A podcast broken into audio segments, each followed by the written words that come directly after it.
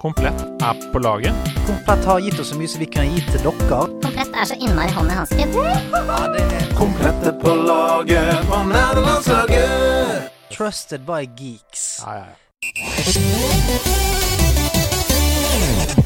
Ja!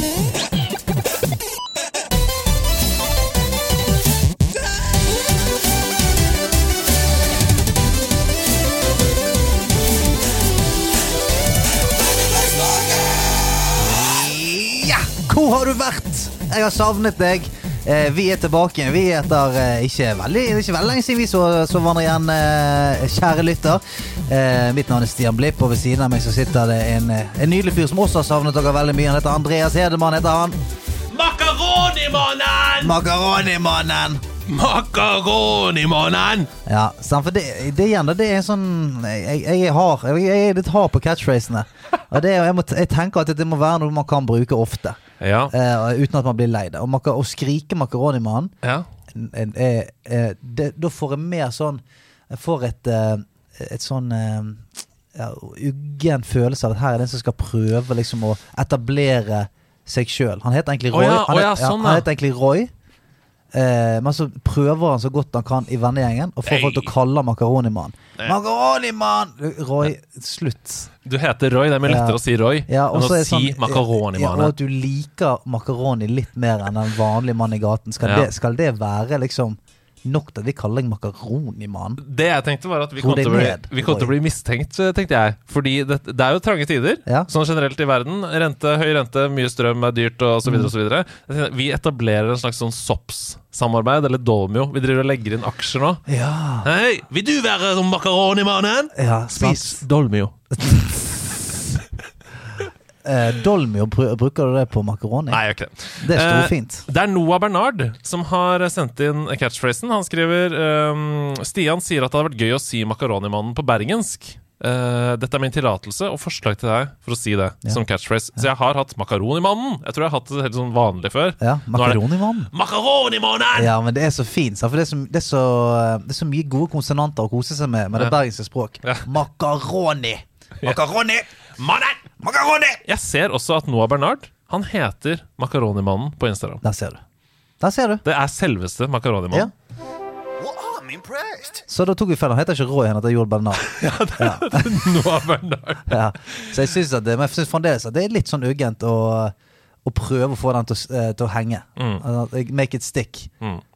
Så nå har du til og med kommet inn i podkasten her. Sånt. Hadde makaronimann vært noe gøy? Jeg heter Makaronimann. Eh, så det hadde vært gøy om dere Ja. Lucivere skriver på, på, i chatten på Twitch her eh, Hvilken dag er din NL-dag? Så Hver nå- dag. Vi har, jeg, jeg tenker tirsdag, i hvert fall. Ja. Men, eh, men Hver, jeg, jeg hver dag. Hver dag. Ja. Det, det er ikke noe du velger. Hvis du først er på laget, så er du det. Det, da er alt en annen dag. Det er sånn, hva er det ikke? Har du, har du en dag off? Ja. Og hva er pausedagen din? Jeg vet ikke. Eh, hvordan er din NL-dag i dag? Min NL-dag i dag fremragende. Fremragende! Ja. Eh, Wow. Våknet i dag med et smil om munnen. For Ja. det er, nå er det lenge siden, føler jeg, at, eh, at sol på en måte har sneket seg inn mellom gardinene sånn eh, og tidlig. Altså liksom i syv, Ja, ja. syvdraget allerede. Så er det sånn, får du et lite glimt av livet. Du våkner av Edvard Grieg. Det er nydelig. Inn på soverommet. Det er nydelig. Det er den følelsen i dag. Og det siste døgnet her på Østlandet, og egentlig hele Norge, har jo vært helt fantastisk. Nordlys over hele Ja. landet. Altså, jeg så på Rælingen ute på, på, ute på verandaen, så på nordlys over Lillestrøm. Det kan jeg si. Det skjer ikke ofte. Nei. Det er ikke en klassisk Halvdan Sivertsen-låt, f.eks. for eksempel. 'Nordlys over Lillestrøm'. Nå ble, Men- men nå, hvorfor ble jeg Nei, men hvis det er det det? er? For, for alle der oppe jeg, jeg høres litt sånn ut. Jo. Oh, sånn. Ja, men de gjør det. Hva, eh, hvis du kommer i baren og sånt og Hva du skal ha for det? Så, Nordlys! ja, skal du ha en Frydenlund? Uh, alle snakker litt sånn, la oss være ærlige. Ja, ja, ja, Eh, men hvis du så nordlys altså det, det som er gøy, er at nordlyset så jo alle. Ja, det er sant. Sånn at uh, det at du beskriver det som noe sånn unikt for Rælingen, Ja. det syns jeg er falsk reklame. Ja, nei, For det det var- sånn, er sånn Kom til Rælingen, her har vi nordlys. Nei, det, det må du ikke si. Fordi det var, det var et så vidt grønt skimmer på himmelen. Ja. Eh, andre steder i Norge var det en dans i universet. Mm. Så det, det, var ikke på Rælingen det var nordlys, først og fremst. Det var det ikke. det var det ikke.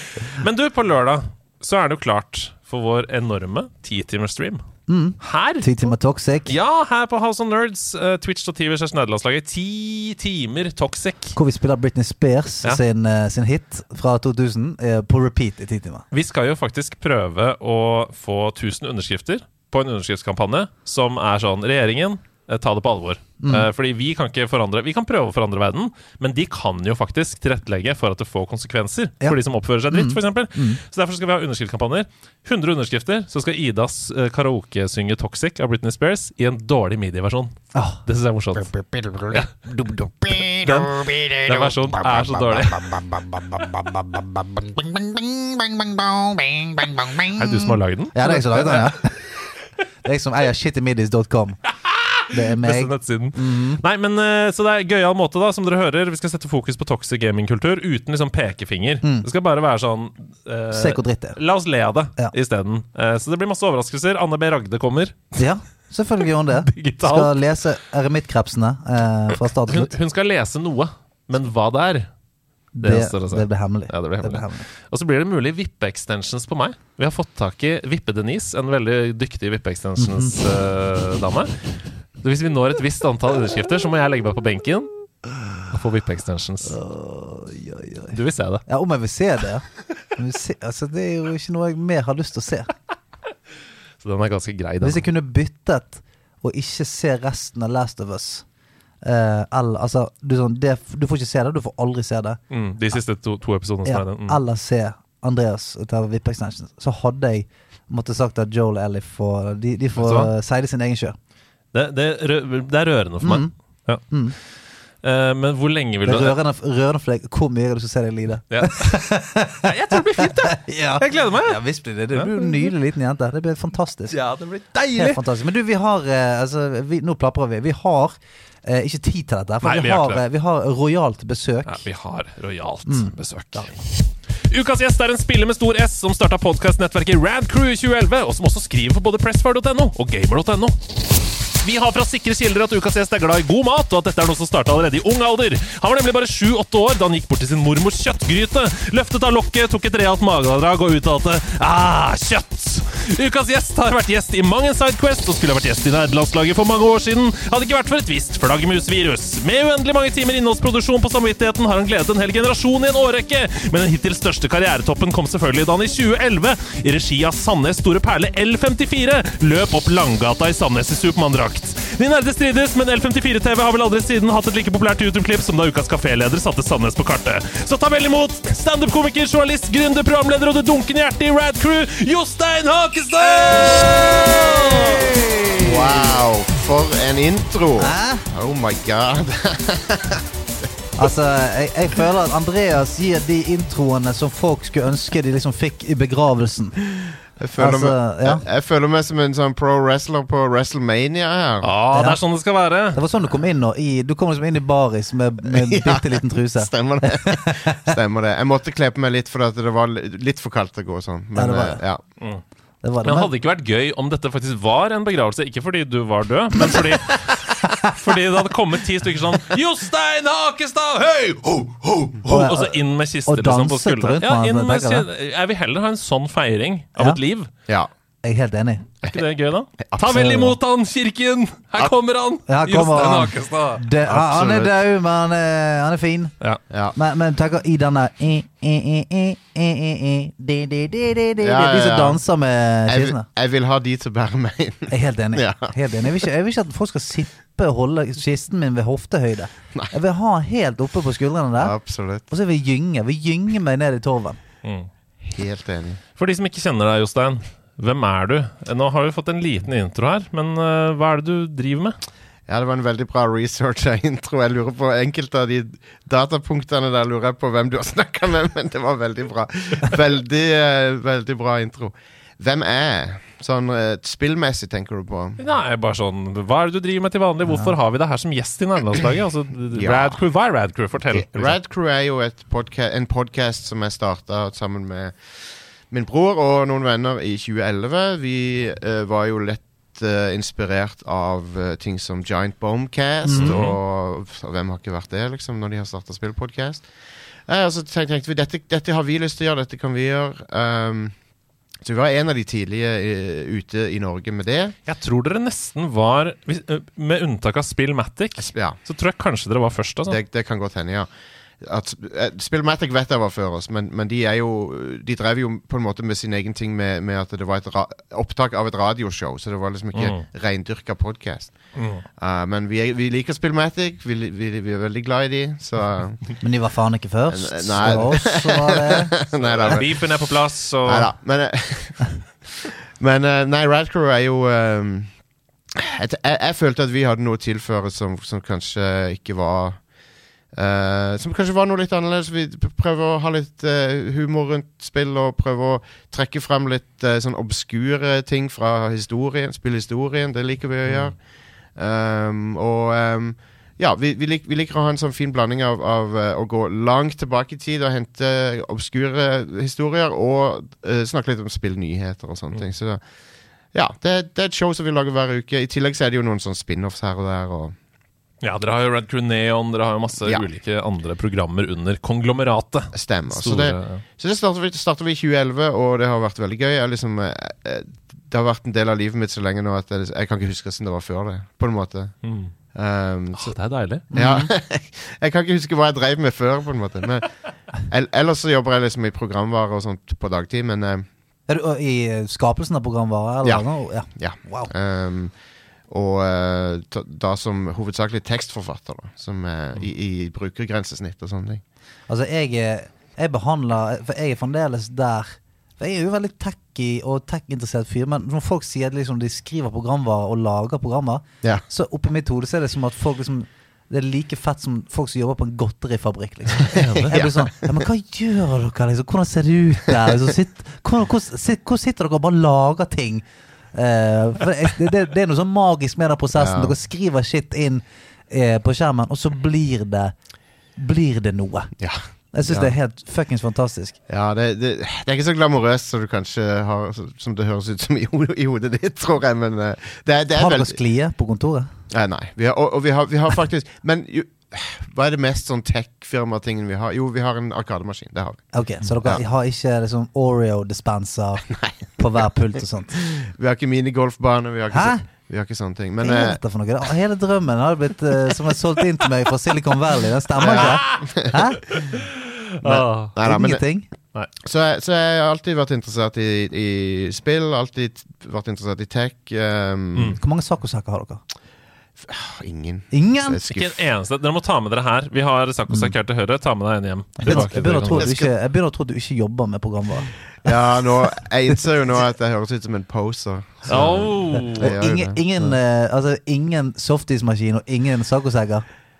Nei, vet du hva. Dette her eh, når du, når, du, når du ramser det opp sånn, så innser jeg jo at det er noe er galt, så jeg må jo ta det Altså, du må ta det, med, ta det opp med HR. Ja, jeg må Det må jo finnes et eller annet fond eller noe frifond for programmerere. Ja. Eh, Saccosekk, ismaskin, barista, et Ja, eller ja. annet. Hackesex. Ja, noe sånt. Mm. Nei, men det, det har vært veldig kjekt å drive med, med Radcrew-podcasten opp igjennom, og ehm, eh, vi har òg fått god drahjelp eh, av uh, veteraner i bransjen, sånn så jeg må nevne Jon Cato Lorentzen. Han har alt, alltid vært på vår side, alltid boosta oss. Og, Mm. så, så det og det, det har jeg også prøvd å gjøre etter hvert som vi har blitt litt mer populære. Så har jeg alltid liksom prøvd å, å løfte fram andre som starter opp ting. og, og sånn Mm. um, Men det er veldig kult. Nå er det jo så mye variasjon å velge mellom blant norske spillpodcaster. Det er jo helt crazy. Ja, sånn, hvem skulle tro at det var en greie? Ja. At det er sånn, Hvilken norsk spillpodkast hører du på? Ja. Altså, det er jo Ja, ja, ja. Det jeg syns er så fantastisk med Radcrew, det er at dere er en gjeng som åpenbart sitter på helt vanvittige mengder kunnskap. sant? Eh, da jeg var den mest ivrige lytteren av Radcrew, Crew, og på en tid før vi begynte med nederlandslaget, jeg var patron og holdt på,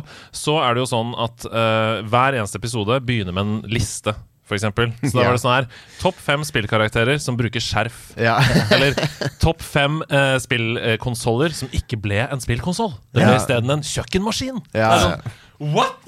Hvor- kan dere disse tingene? Men samtidig så greier dere å kommunisere det uten at det høres sånn Nå leser jeg fra et leksikon ut. Altså Dere er underholdende med mye kunnskap, da og det mener jeg er en veldig god miks. Kan jeg få, kan jeg få høre én konsoll som egentlig skulle bli en, som ble en kjøkken som ble kjøkkenredskap?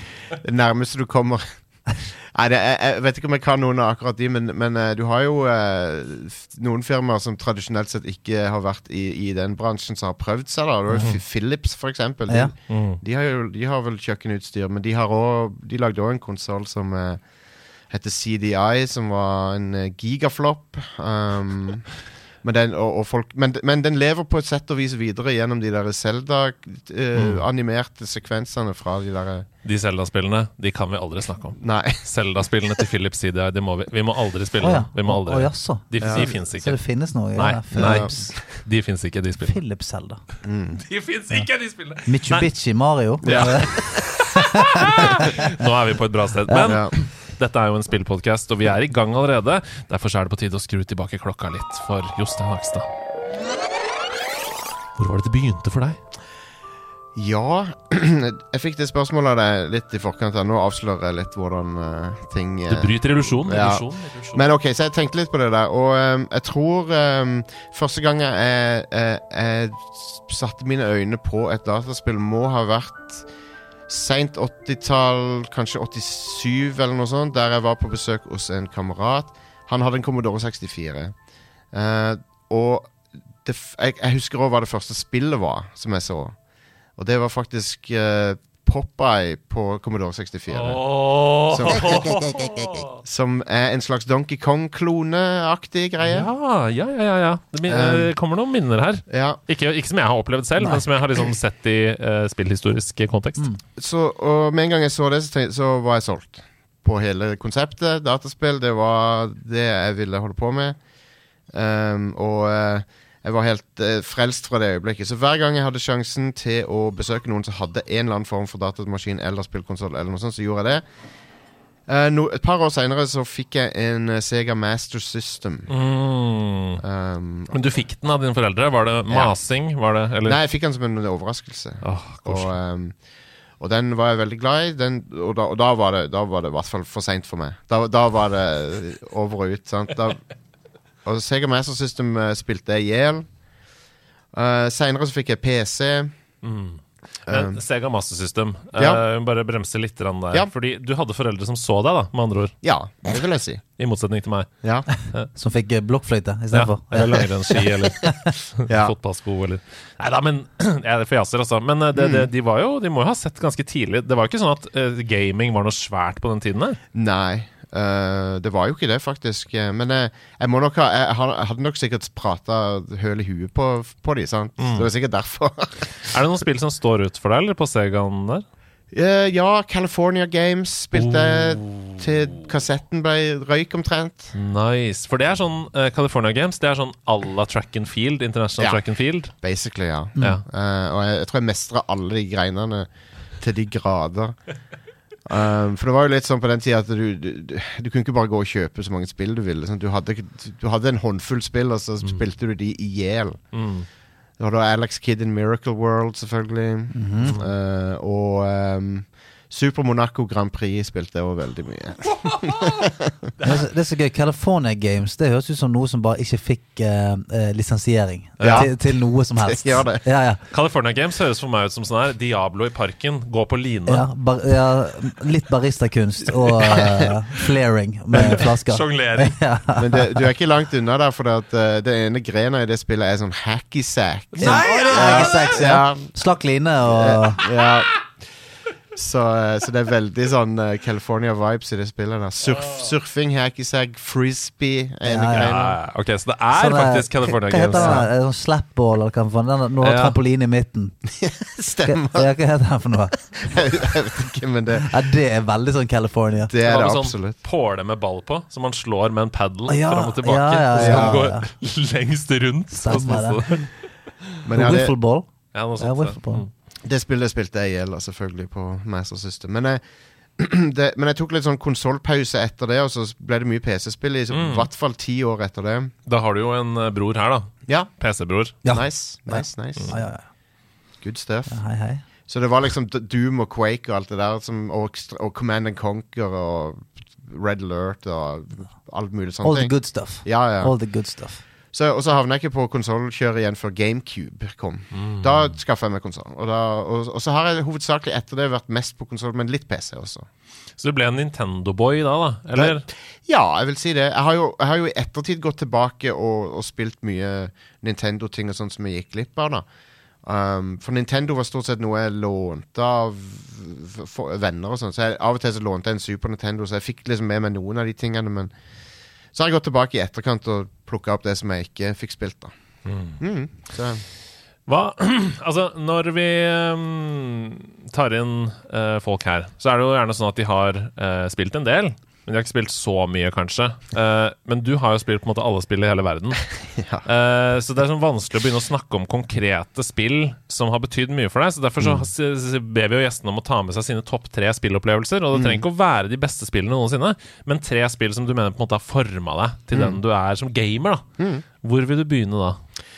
Ok, så Hvis jeg skal Jeg har en, jeg har en veldig uh, sånn sterk eh, tilknytning til Super Mario World. Som alle Det er jo veldig sånn Alle elsker jo Super Mario World. Sant? Men jeg hadde aldri, eide aldri spillet. Men jeg eh, spilte det på en sånn kiosk i, på sånn Glassmagasinet.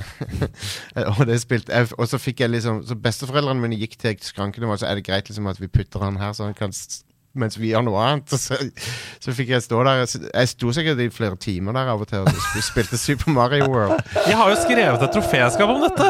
Om Space World på Bryn senter. Jeg sto Ja. der i mange timer. Foreldrene mine gjorde det samme. Kan han bare stå her, og så kan vi gå på Ultra og handle og holde på? Men det er sånn, når du hører foreldre klage over at sånn Fy faen, nå spiller ungene så mye, og Ja.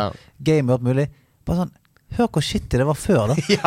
Faen, foreldrene satt deg igjen i en butikk. Ja. Ja. Og sa sånn Kan han være her mens vi er ute? Ja. Altså Det var jo mye jævligere før. Ja. Hør på dette her. Da. Det er mye, det er mye hyggelig at jeg kan få til å sitte hjemme i kjellerstuen enn Ja. å bli liksom plassert på Storesenteret Ja. i to timer mens mor og far er ute og, og jazzer. Jeg må også si at uh, dette er et tidsvitne om at verden var tryggere før. Ja. Nei. Hadde du Nei, latt nei, nei, din åtteåring stå igjen på Space World i dag i to timer? Ja, nei, men det, det handler ikke om at verden er tryggere. Det handler bare om at folk er litt mer oppegående. Ja. ja, Shots fired! Nei, jeg, Til fortidens foreldre! jeg, jeg tror du har helt rett i det. Altså. Det, det tror jeg definitivt. Ja, men det, det har jo, altså Verden er jo absolutt ikke noe tryggere. Nei. Altså, Nei. Men eh, jeg bare føler kanskje vi Ja, fordi vi vet mer, liksom. Eh, men hadde du latt eh, Bowie stå igjen på Storesenteret som åtte år? Sinnssyk. ja, du synes, men det er jo sånn Før Det er, ikke lenge, det er faen ikke lenge siden folk satt og røykte på fly.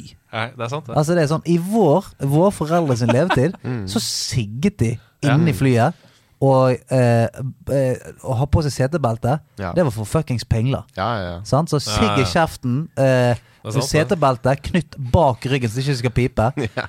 Det, Nei, det sant, det, det. det var gjengen som, opp, som oppdro dro oss. Så ikke bare satte de igjen Jostein på, på Space World, eller hva var det med lekebutikken het? Det var faktisk inni Glassmagasinet i Kristiansand. Jeg husker ikke hva slags lekebutikk det var. Ikke bare satte de igjen i glassmagasinet, men det lå et teppe av røyk inni glassmagasinet Ja, ja, ja. også.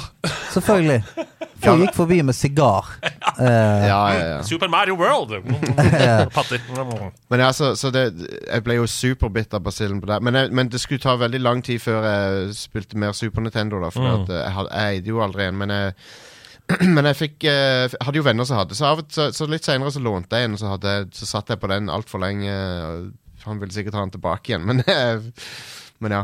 Så Mm. Går det an å si noe om hva det var som Altså Dette er jo vanskelig å spole tilbake i tiden, og som du sa, alle har jo et eh, Eller veldig mange har i hvert fall et varmt forhold til Super Mario World. Men Ja. Går det an å si noe om hva det var som var så tiltalende? Hva var det som bare gjorde at det satt for deg, liksom? det var, Du vet når du gikk fra eh, 8-bit eh, til 16-bit, det var Ah, et ah, giga kvantesprang i, i grafikk og lyd og alt sånt. Og eh, det å se eh, Mario med alle de power-upsene så du kan få deg kappa og alt ja, og, og, og spillet har så jævlig mye energi òg, føler jeg. Ja, det har det. Jævlig med energi. Altså, jeg spilte det eh, helt tilfeldig nok, altså i helgen nå. Ja. For jeg har besøk av min nevø som er syv år. Og så Mm.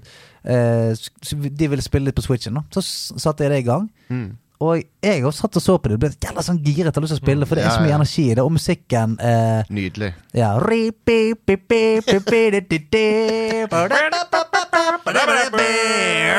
Og, ja. Det er, et, eh, det er et nydelig spill på alle måter, og, og med en gang du får det i hånda, så det Det føles så bra å styre og liksom ja, og liksom første gang uh, at uh, Altså, Jeg lurer på om det er bare tre eller annet, når de der eh, myggene med, med sånn, Ja. den, den superheltgreien. Ja, Altså, det er først, det er liksom Folk sklir ned og hopper, og tar, altså, Ja. eh, eh, mobsene tar liksom løpefart og setter i gang. Det er liksom mye mer sånn Ja, ja. Det er mer liv i det. Mer energi. Det er momentum som, som, som ikke var mulig å gjøre på 8-bit-konsoller, tror jeg.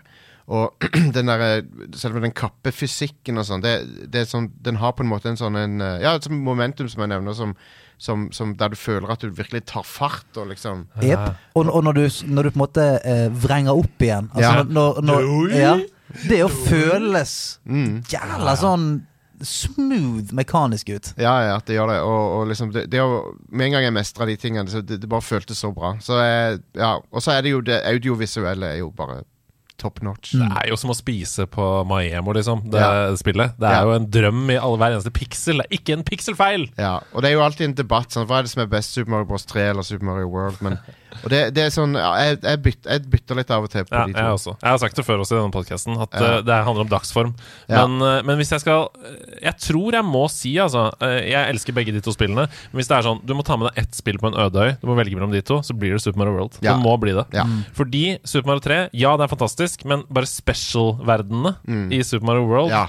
er så vanskelige og så bra Mm. at det blir sånn ja, det, det kommer til å ha lengre holdbarhet, da, tror jeg kanskje. Det tror jeg òg. Og så ble jeg, jeg, jeg elsker jo musikken i det spillet, men jeg, jeg hadde helt glemt hvor jævlig mye fet musikk det var i det. Ja. Mm. Altså bare den der eh, ja, Noen av de første banene som er sånn eh, Altså halvveis vannbane. Mm. Jeg vet ikke om jeg klarer å nynne, men den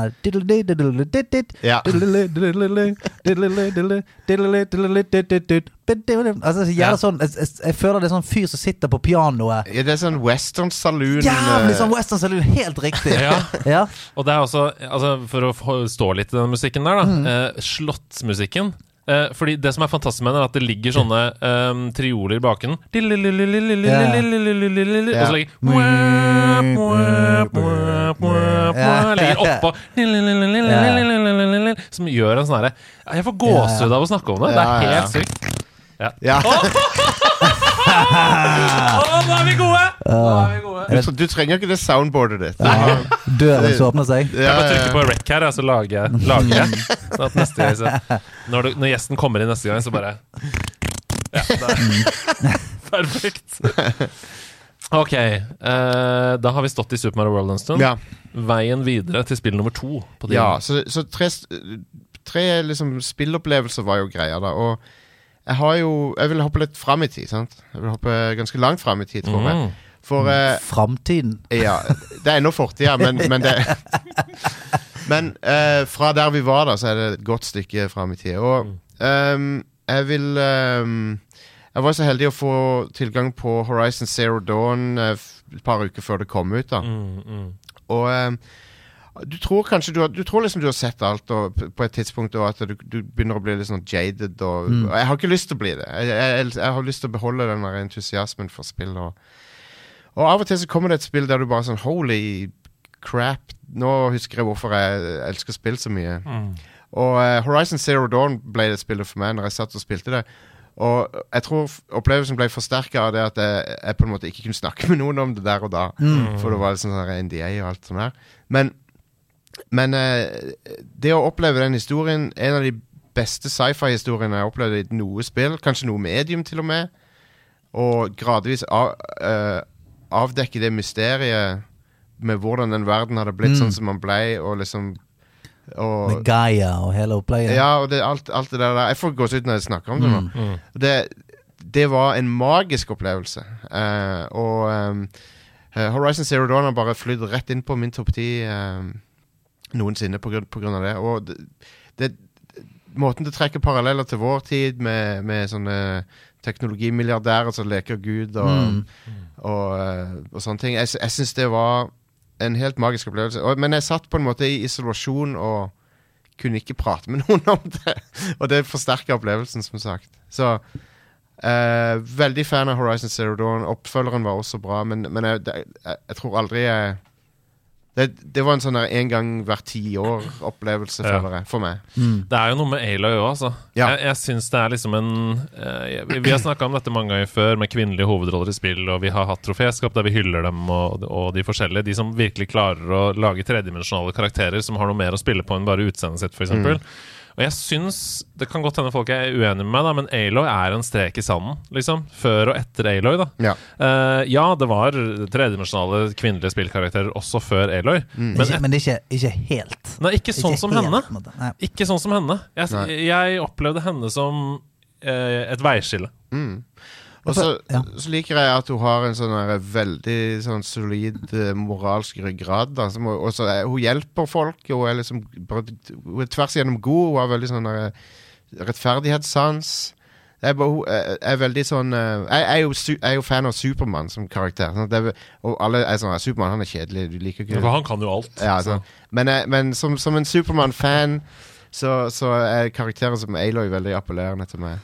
Ja, så er det òg det der at hun eh, oppleves ikke ekstrem i noen ender. Nei. Hun er ikke ekstremt tøff, hun er ikke ekstremt eh, snill. Hun er, ikke, altså hun er sånn Hun har den følelsen av et menneske. Mm. At det er sånn Ja, hun har en tilbøyelighet for noe, Absolutt. men hun har ikke den der Altså, Hvis du skal liksom spole tilbake til Tomb Raider, da. Som Ja. er sånn Ja, hun er bare en jævlig tøff dame med knekker fucking nesa på Ja, ja. folk uten problemer. ja, men hun har to gønnere og, og tar saltoer ned i, i liksom, på, på mumier. Hun gir Ja. faen.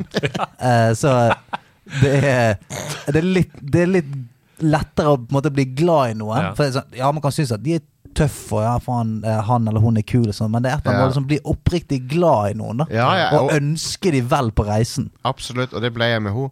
Det er artig at du nevner Tomb Raider òg, for der har de jo Jeg føler på en måte at de overkorrigerte litt med den moderne Tomb Raider. Der Ja. det var litt sånn Den ble for sårbar. ja, nå, nå, nå skal vi kjøre henne gjennom meat-grinderen her, liksom, og pine henne. Ja. Og så, og så, og så ble Det ble litt mye, syns jeg, med, Ja. med, med den karakteren. Nei, men Jeg er helt enig i det dere snakker om her, at Aloy er ikke så distansert fra oss. Så Derfor så tror jeg mange unge jenter spesielt da Ja. fikk seg et nytt forbilde. liksom Det var ikke så langt unna. Og hun er sårbar, og hun er Ja, ja. ikke udødelig. Nei, nei. Hun, tvert imot, hun er redd ganske ofte i det første spillet. Fine egenskaper. Mm, absolutt. Så det var Og så er jo gameplay helt magisk, da. Herregud, for, et, for et utrolig morsomt spill å spille. Ja, og det, det er jo liksom og det, det er så rart, det har, det, det har jeg ikke nevnt engang ennå, men det òg er jo fantastisk. Sånn. Ja, ja. Det å skyte deler på de robotene. Ja, ja, ja. Og slow motion og bytte i Ja, det ja. wheel og ja og så er det sånn jeg, jeg er ikke noe glad i stealth-spill. Altså, det, det er, da får jeg kløen. Men det er et eller annet med De klarte ganske tidlig med Rise of Zero Dawn å gjøre den der eh, stealth-delen Ja. litt sånn ekstra skummel. For det, er sånn, det var et eller annet med de dyrene som ikke du helt visste helt hva var de kapabel til Mm. Ja, ja, ennå. Som gikk rundt der og lyste forskjellige farger. Og det var sånn, ja, det var plutselig litt sånn ekstra spennende å, Ja. å snike seg rundt der. Og så jeg, jeg, da, da jeg begynte på spillet, så, så, så var det sånn Ok, de kommer aldri til å liksom kunne gi meg en forklaring som jeg kan akseptere på hvorfor det er masse sånne robotdinosaurer Ja. sånn. Men den forklaringa de kommer med, er helt logisk. Han gir helt mening. Du, På slutten av spillet så er det sånn Ja, selvfølgelig er det Ja. sånn terraforming-roboter rundt omkring. Det er helt Ja, ja. naturlig, det. Og, og det, det, er sånn Faen, når kommer det her? Når kommer det til oss? For Ja. det, det er rett rundt hjørnet, det. Jeg gruer meg til det skjer. Ja, ja, helvete. Hva skal jeg gjøre da? Begynner å se sånne prosjekter oppstå i verden og sånn. Sånn Bill Gates og sånn begynner å starte nå. Ja, det er nå, ja. Ja. Ja. Altså, okay, nest, neste, nå- neste gang jeg ser en tweet fra Elon, så skal jeg begynne å lære meg å skyte med pil og bue. Det er helt fucking sant. Sitat! Og de, de parallellene som trekkes til visse nåtidsteknologimilliardærer, Yes. var noe av det jeg satte veldig pris på med spillet. Var. Mm. Men ja. Som jeg følte de altet litt i toeren. Litt, Ja. lite grann. De, de, At det var grann. mer sånn eh, veldig on the nose. At Ja. sånn, her er parallell til de crazy folka som er nå. Her, han, han her heter G-Lon Tusk. Ja, men det var litt sånn. Det var litt den feelingen. Han, han hovedbadguyen i toeren var sånn Dette, dette er Jeff Bezos. han ser ut som Jeff Bezos. Ja, ja. Og Det var sånn, jeg har sendt eh, folk ut i verdensrommet. Ja. En slags elitegjeng. Oh, Ja. ja Hvor vel. kom inspirasjonen til dette fra, mon tro? Men for all del, en bra oppfølger. Men, eh, men eh, jeg følte liksom det er vanskelig Lynet kan ikke slå ned to ganger på, i, på den måten. Nei. Jeg synes Det er veldig interessant det du sier med at det fikk deg på en måte til å elske spillmediene. Jeg, jeg, jeg får sånne opplevelser rett som dere også. Ja. Eh, Disco Elysium var en sånn for Ja, meg. Da Ja, bare ja, ja. stoppa tiden, liksom. Uh, men ja, eh, det er, dette handler ikke om meg. Dette handler om deg. Hva er det tredje spillet? Ok, så litt uh, spole bitte litt tilbake igjen. Oi. Um, jeg tar det litt sånn ikke-kronologisk. Ja, det er deilig. Spennende. Du er mye bedre på baklengs enn meg. Det er lov å si. Første, første Xboxen. Uh, Xbox 1, ikke Xbox One, men Xbox 1. Ja. Gøy. Um, Nå skjønner du, For ettertiden, hvis du spoler 100 år fram i tid, skal man snakke om spillhistorien. Uh, ja, Xbox 1 Xbox One? Nei, Nei, Xbox nei, One. nei, Ikke, nei. ikke One. Nei, ikke one. Eh, Den én, den første. Hæ, men hvorfor heter det ikke den første One? Nei, eh, lang historie. Xbox Series S, Xbox One S. Ja. S, bare rot. Club X, 7. er det X Pro, eller er det One Pro? S-Club. Ja, Xbox S Club 7. Men ja, Sykeste uh, collaben som har vært. et, uh, jeg hadde fulgt med et par år på et spill som heter Halo. Uh, oh! og og um, jeg fikk til og med med meg liksom nyss fra den der eh, Apple-konferansen der Steve Jobs var sånn Mm. Dette, Nå skal vi satse på spill. Her er et kult spill som heter Halo. Så Mm. kom det aldri ut på Eller det kom ut på Apple lenge etterpå, men Rune Fjellolsen og jeg går gjennom spillhistorien til Bungie Ja, i denne ja. ukas Sidequest på Patron. Så hvis Nice. du vil høre mer om det som folk trodde skulle være et tredjepersons skytespill Mm. med -hmm. yep. som jo var eh, Halo, så kan dere høre på på fredag. Men så ja, etter, etter en trøblete produksjon og oppkjøp av uh, Der Microsoft uh, klarte å få kloa i, uh, i den som en sånn launch-tittel til Xbox. Som eh, Jeg tror X-en pleide å stå for Direct Xbox. Mm. som er litt funny. Det er litt sånn glemt eh, av historien, føler jeg. Men I Xbox sitt eh, hovedkvarter, eller ikke hovedkvarter, men i, i sånn flagship store i London, ligger i den hovedgata der, Regent Street eller noe sånt, Mhm. så står den første prototypen av Xboxen, som jo er formet som en X. ja. Nettopp på grunn av DirectX, Ja, ja. som du snakker om. Men ja, det, eh, eh, Halo Combat Evolved eh, jeg, kan si det er litt sånn corny tittel, kanskje, men jeg føler at den spillet lever opp til tittelen. For at det, det var Ikke nok med at de naila en FPS på en konsoll. Du har jo Golden Eye før det, og sånt som gjorde det ok, men det, måten Halo klarte å få det til å gi mening med to stikker og, og styre en FPS på den måten, i tillegg til den derre Ok, jeg kan bare gå bort til det kjøretøyet og så kjøre rundt med det. I, det var liksom det, Den frihetsfølelsen der. Eller, eller hvis du kan la, eh, En av de der Covenant-folkene krasjer en av de der flyvegreiene, så kan du gå bort og ta den, og så kan du fly med, med den. Og i 2001 så var det sånn Det var Ja, ja. spinnvilt. Det er kvantesprang, Det er liksom. så, det er så vittig hvordan, hvordan disse tingene alltid skjer, men uh, altså Dette skal vi snakke om litt seinere. Altså akkurat det du snakker om nå. Men det er, det er, det er helt sånn vi har, Det er en sånn veldig merkelig ting med denne podcasten her. At vi har forskjellige spalter, og uansett hvor liksom eh, rart tema, eller hvor, eh, hvilket tema man velger, yeah. så er det faen meg bankers Ja. at gjesten hver gang er sånn begynner å snakke om akkurat den tingen. Oh, ja. Ja, ja. Og, og det, altså, og, som er jævla bra, men Ja. jeg skjønner det fremdeles ikke. For jeg tenker sånn Er det no, Har jeg liksom Har jeg skrevet det pga. at vi har den gjesten? Eller sånn, hvor, hvorfor skjer det alltid? Jeg sitter sånn her og prøver å være smart i Kojima-koden, finne på Jazz Jackrabbit som svaret. Så er det sånn Ja, mitt favorittspill er Jazz Ja, Jackrabbit. bare, hva i helvete? Ja, hva skjedde? Så skal man prøve å holde pokerfjeset helt fram til konkurransen. Ja. Nei, men det, Halo eh, ble jeg superhekta på og har vært fan helt siden. Så kan du jo alltid si at eh, ok, den, den serien har snubla og falt litt av og til. Var ganske ok det siste, syns jeg. Halo Ja, jeg likte Infinite. Ja. Grapple Hook, meget bra. Veldig bra. Meget. Veldig bra. Og, ja, og da fikk jeg litt tilbake den frihetsfølelsen som jeg følte med eneren. Der, Mm. der eh, det var eh, så store, åpne områder, og, og eh, skytespill var jo ofte relativt sånn innskrenka med korridorer og sånn. Ja. Doom er jo også det, sant. Mm. Men i, uh, i Halo så kommer du av og til til sånne Ok, her har du en stor lekeplass. Mm. Og så kan du angripe den sånn som du vil. Du kan hoppe inn i en bil og få en sånn eh, AI-fyr på, på maskingeværet bak der. Ja. Eller du kan gå til fots. Eller, liksom, det, det er så mange måter å angripe situasjonene på. Og så oppdager du også da at fiendene de driver og utmanøvrerer det. De har veldig bra AI, liksom. Ja, de, fl de flanker deg. Og Ja, liksom. ja. Mm. Og det var jeg ikke vant til. Du må huske, du sier, du sier Golden Eye, liksom. Det var, vi- øh, hvor ræva AI er det i Golden Eye? Ja. Liksom, Ja. de står der inni, inni dam der, står der med de dumme våpnene sine og Ja. skyter. Bommer, bommer, bommer. Du skyter på dem, de sprenger bakover. Jeg husker, så, jeg husker sånn Jeg husker, ikke i hvilken kronologi det kom heller, men jeg husker sånn Medal of Honor og sånt. Ja, ja, ja. Hadde også en sånn helt horribel AI, Ja. ja. syns jeg. Altså, sånn, Ja. de bare er der. Ja. De står der for, for De eksisterer for å bli skutt. Ja, i- det Snakker dere om Cyberpunk nå, eller snakker dere om Oh, god damn. Nei, men Halo, ja. en, en revolusjon. Altså, eh, Ja. for et spill. Og egenhendig eh, sørget jo for at Xbox ble en suksess. Ja, det gjorde det. det. Xbox hadde nok uh, blitt et feila prosjekt uten Halo, Tror Ja, det er jeg jeg. helt sikker på.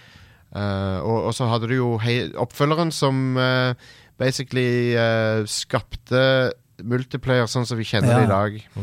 og gjorde vel også en ganske, ganske sånn grei økonomisk deal for Xbox. Med, det var vel da liksom Xbox Live eller Xbox Go ja. eller hva faen Ja, ble lansert, og de tjente masse, masse, masse, masse penger. absolutt. Og, og så har alle andre kopiert Xbox Live i ettertid. Til og med Steam har jo det. Sånn, og matchmaking og alt det, alt det der kommer fra Halo. Så. Altså, det er en grunn til at det finnes et begrep i bransjen som er sånn The Halo Killer. Det er en grunn til det, liksom. Det Ja. er fordi alle lette etter skinn sitt uh, FPS på konsoll som Stemmer skulle det. være bedre enn Halo, liksom. Ja. uh, så det, det satte benchmarken for hva FPS skulle være. Og historien er full av uh, haze og eh, killzone og Ja, resistance og Masse ting som ikke ble Halo Killers. Eh, ja. Men ok, nå, Vi har et veldig godt bilde nå av deg som gamer. Det er så deilig å sitte og høre på folk som kan snakke om spill på denne måten. Jeg bare lener meg tilbake mm. og trives. Men jeg, jeg har en sånn bonusspørsmål også som jeg stiller gjestene om gode historier knytta til spill. Mm. Har du noen kjappe som du husker der? Eh, I konfirmasjonen din kom onkelen din med en light gun til Ja, Duck Hunt. Eh, så eh, artig at du nevner onkelen min, for at, eh, det var en jul der jeg var på besøk hos eh, mormor og morfar, og så bodde Fetteren min hadde en hybel hos de da, uh, så vi, og uh, vi satt hele den romjula på den hybelen, og da, og da fant onkelen min veien der opp også. Uh, og apropos sigarettrøyk, han satt og røykte hele tida mens vi satt der. Uh, men vi, vi satt og spilte Amiga 500 hele den romjula. og um, det er et veldig godt minne for meg. Det var bare liksom å gå stabel med disketter, bare jobbe oss gjennom alle spillene som de hadde illegale kopier av. Um, Det er sånn den årstiden fikk navnet sitt. Ja. Ro- Romjula. ja. Ja. Oi, oi, oi. Så, Det var, sterkt. oi, oi, oi. så jeg husker bare at jeg satt og passivt røyka hele romjula og, Ja. og spilte Amiga 500, så det var et herlig minne. Det må ha vært sånn eh, ganske seint til å være Men uh, Amiga var for lengst en sånn maskin som ikke var populær da, tror jeg. Det må ha vært sånn 95 eller noe. Mm. Men uh, veldig godt minne. Um, og så har jeg en til som er Jeg var jo heldig nok Dette var jo når jeg var godt voksen. da um, Jeg var heldig nok til å få dra på E3 i 2015. Lucky bastard. Ja. Vi må bare snakke om dette for litt rann kjapt, fordi E3 kommer aldri til å bli sånn som det var. Nei. Så Det er, jeg det er sånn, litt sånn som Woodstock. Ja, det er litt det. Det er kommer ikke et nytt Woodstock. Nei. Nei. Og jeg syns litt synd på de som ikke fikk oppleve Mm. E3 på sitt høydepunkt. Og ikke fysisk, men bare sånn å sitte og vente på hypen og, og alt det som var da Ja, ja. E3 var på maks. Liksom. Ja, og, og 2015 var et av de siste årene der E3 var sånn som det, det var på, på høyden, liksom. Sant? Mm. Det, var, det var allerede litt i decline, kanskje, men, men eh, det var E3 fremdeles. Sant? Men eh, så Du drar jo til E3 for å få med deg nyhetene. Sant? Det er derfor folk drar dit. Mm. Eh, paradoksalt nok, da, så på flyturen så kom noen av de aller største nyhetene. Så jeg, jeg gikk jo glipp av egentlig de, noen av de største annonseringene. For det var sånn Bethesda Jeg landa og så var det sånn Å ja, Fallout 4 er ute om fire måneder. Ja, ok, greit. Da, jeg fikk vite det mange timer etter alle de andre, for jeg hadde ikke internett på flyet. Så, så jeg fikk masse, fikk masse meldinger om hel haug med ting jeg hadde gått glipp av. Ja, trist. På vei til E3. Så, Nei, det Ja, synd. Synd. Men jeg husker jeg så noen videoer av deg der, der du sto utafor Convention Centers i Stemmer. I, Stemmer. eh, men, nei, Flagstaff, nei. Eh, det er jo LA, men utafor LA, på en måte. Ja, det, det, er, det, det er liksom i det derre stygge sentrumet Staples Center, er det ja, kanskje? Rett ved siden av Staples Center. Det er eh, LA Convention Center. Ja. Mm. Um, et, et, eh, å bo i sentrum i LA det er ikke å anbefale. Det er ganske begredelig sted å, Ja. å, å bo. Men Ja. Og- E3, E3 rest in peace. Rest Ja. in Rest in peace. peace. Stian, Hei. hva er det du spiller nå om dagen? Hva er det du har spilt siden forrige uke? Nå har jo du vært en del i nederlandslaget i det siste, programleder og sånn, så vi har jo en god oversikt, men hvordan? hvordan jeg har spilt um, jeg, jeg, har, jeg har falt ned i Og det har jeg liksom glemt å snakke litt om de andre gangene jeg har vært her nå i det siste. Jeg, jeg spilte meg gjennom eh, med noen kompiser. Vi begynte å spille Green Hell, Oh. som er et dritfett survival game. game. ja. Ja, Wow. altså sånn dritgøy. Det, det er sånn Du må eh, du, du finner planter. Du må spise de, se hva som skjer med kroppen. Så må du sjøl katalogisere eh, hva de forskjellige tingene du gjør. Sånn. Ganske hardcore. Eh, veldig, veldig gøy. Det er ikke sånn at du på en måte eh, eh, plukker opp en plante, så står det 'her får du stamina', liksom. Du må, Mm. du må spise den. Og du Ja. spyr og driter. Så er det sånn, ok, Bare husk å skrive at den planten heter spy og drite-planten. Liksom. Sånn at når du plukker den opp neste gang, så er det sånn Ok, da hold deg unna den. Ble lansert til PlayStation VR2 denne uka. Oi, shit! Green Hell. Ja, for det er ganske intenst å spille uten VR, altså. Ja. Eh, men eh, det var skikkelig, skikkelig gøy. Meg og eh, noen kompiser fikk liksom i hvert fall én ending ut av det. Mm. Så spilte vi gjennom det, og så eh, gikk vi rett over på For da hadde vi fått litt sånn Ble vi giret. Spilte vi gjennom The Forest. Ja, eh, fikk på en måte en, en ending der òg. gøy. Og så så vi at helsike, i februar så kommer jo på en måte den eh, ja, egentlig spirituelle eh, sequel til uh, The, The Forest. Ja. Sons of the Forest. Oi, oh, ja. okay. Så det har vi spilt de siste dagene. Åh! Eh, som er altså et, Jeg mener et kjempekul survival game. For at nå får du plutselig den der trippel A-grafikken. Åh, Eh, det gjelder mye wonky, som i alle survival games. At plutselig så står det liksom en AI eh, inni et tre. Eh, men ehm, For det er det som gjør at jeg på en måte ikke har falt for Rust, eksempel. Ja. Jeg syns Ja. det er for liksom sånn Ja, men det, nå, se, nå snakker vi. Nå ser det nå, Altså, det føles jævla bra ut. Nice. ja. Så er det sånn Alt av svømming og Altså, det å hogge tre nå har en sånn omf ved seg. Å, deilig. At du faktisk føler at du fuckings hogger tre, liksom. nice. Kan vi få den Super Mario World-dørlyden? Hæ? Kan vi få den Super Mario World-dørlyden? Ja. Ja. Ikke sant? Det er den følelsen når du hogger tre. Nei, men det er bare sånn Du hører at det er hulhet i stammen. Du, Ah. hører at, du hører at det er liksom et ekko i skogen når du, når du hogger. Og eh, ja, den der, den der eh, crispe-lyden når et, et, et, eh, et tre brekker, liksom. Åh, Eh, sånn at det, det, er den ja, men det det er den feelingen av at liksom bare det å hogge litt trær eller å, å snekre noe sammen, eh, at, at det føles godt. Når, du, når du plasserer tømmer oppå hverandre, så har du denne, ja, denne liksom tunge jævla lyden. Mm. Ikke bare den der typiske sånn snap into place-lyden som man er vant Ja. til fra andre sånn dunk, dunk, dunk. Det er sånn, ok, du bare, det er fucking The Sims. Eh, og så er det eh, veldig sånn spennende eh, AI der, for det at mm. Jeg, jeg vet ikke helt Jeg vet aldri helt hvem som er slem her, Ja. på en måte. For det, at, eh, ja, altså, det er den typiske lande på eh, øde sted-greien. Mm. Hva er greien her? Og så er det liksom noen sånne ur, eh, urfolk der Ja. som er jævla aggressive. Men så tenker du sånn Er de, er de bare steingale og du må bare klubbe dem ned? Eller, eller er vi egentlig Så Det er jo vi som har kommet her og driver og upper til bråk og sånt. ja, ja. Så det føles liksom Det føles aldri helt bra når det kommer liksom en sånn eh, Kommer en fyr og skriker til deg, «Øh!» og så bare klubber du han ned med øksen. Så er det sånn Faen, var det litt mye, eller? Burde jeg prøvd å preike først? Eh, og så er det akkurat det, det greiene. Jeg, jeg, jeg har begynt å bli veldig glad i den type spill, for det er den der eh, Du aner ikke hva som skjer, aner ikke hva du skal gjøre. Det er et par steder som piper på kartet. Ok, jeg går bort der. Og så får du noen hint, og så snubler du over et eller annet forlis, og så, så, så bygger det seg litt av seg sjøl, ja, ja. hele greiene. Og det, jeg syns det er um, Jeg har fått veldig sansen for det, og det som er dumt, er at det er så lite av de type gode spill eh, Ja. at eh, når jeg er ferdig med det, så er jeg sånn redd for at Hvordan skal jeg gå videre? Må jeg liksom vente til neste blir laget? Og, ja. Du er jo survival-fantasten i redaksjonen. Um, du har vært uh, vi, vi hadde en lang og god sekvens der vi lo og lo og lo av Conan Con- Exiles. Con Exiles, liksom, sammen ja. med Christina Haley. mm. Um, hvordan st st steller dette seg opp mot andre survival-spill? Jeg syns dette her er veldig tilgjengelig. Altså, det er jo på en måte godt og vondt, det, men jeg syns jeg, synes jeg har gjort det eh, mer tilgjengelig fordi at uh, du får litt mer hint enn du ville fått til vanlig, syns jeg. Mm. Yeah. Uh, fordi at du har et stort map, og mens det er liksom et par steder på mappet som på en måte gir deg en sånn indikasjon at du bør gå bort og sjekke her. Mm. For, for eksempel Green Hell. Der er det bare sånn Du er i jungelen. Lykke til. Altså, du, du, lander, du er midt i eh, driten. Du får parasitter. Du får eh, blodigler på føttene dine. Det, altså, det er en funksjon der du må, der, der du må liksom få opp eh, du må, du må se på alle kroppsdelene dine med jevne mellomrom for å se om du på en måte har fått eh, bitt, bit eller blodigler og sånn. Det er jævla hardcore. Ja. Og det er ingenting som sier sånn Ok, du er infected. Ja, hva gjør du da? Du må bare finne ut alt sjøl. Ok, jeg prøver å smøre disse jævla bærene på det. Ja, det blir mye verre. Det må jeg faen aldri gjøre.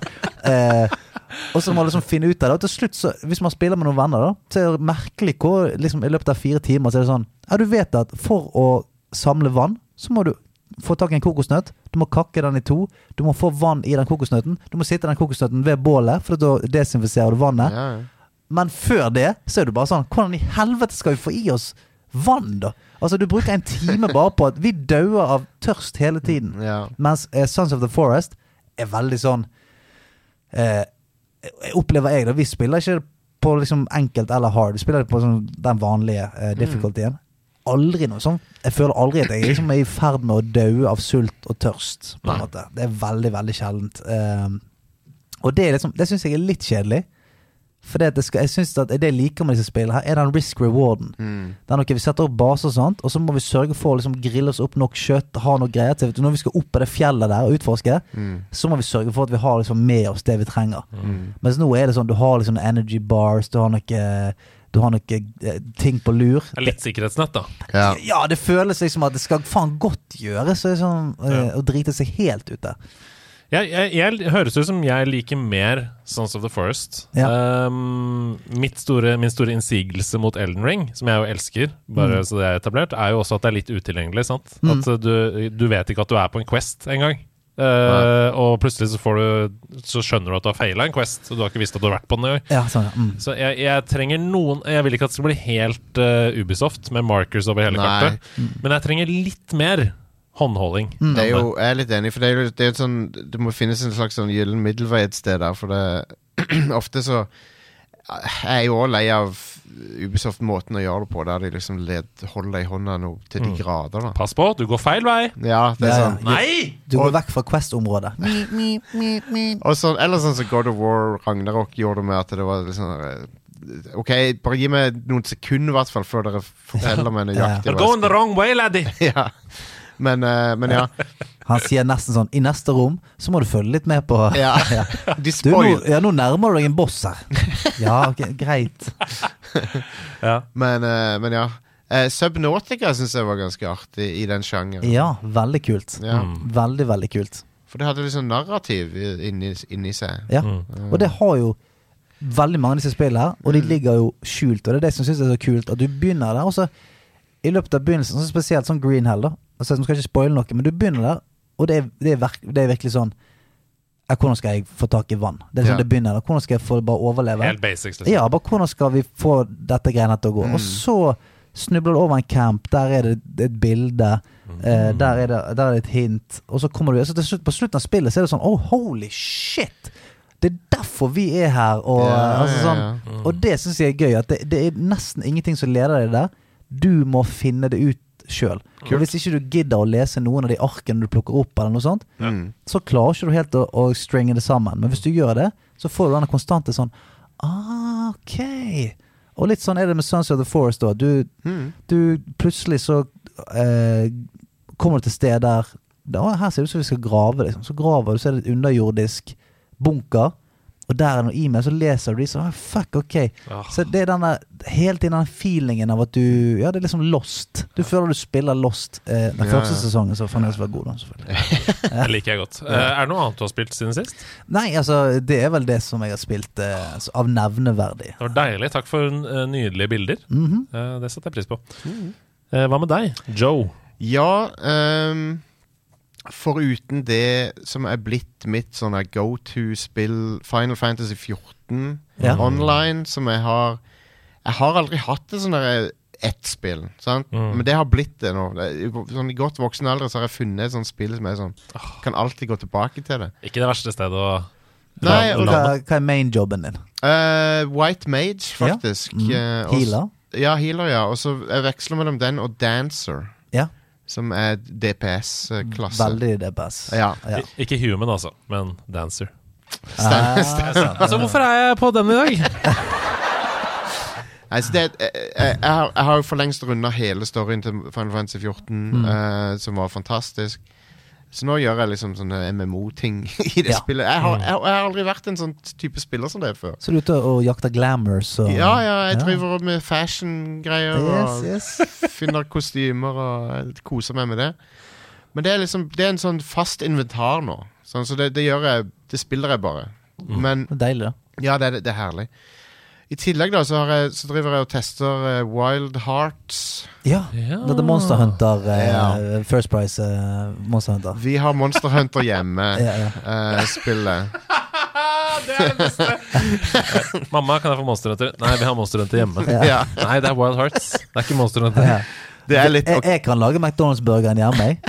Mm, den blir like god. Så jeg driver og skriver en anmeldelse av det for Pressfire. Men, Ja, ja. men eh, det, det, um, det, det er ikke fair helt å, å, å redusere det til en sånn en Klone, Monster liksom. Hunter hjemme-opplegg. Men, det- men det er en morsom vits, da. Så jeg måtte ta den.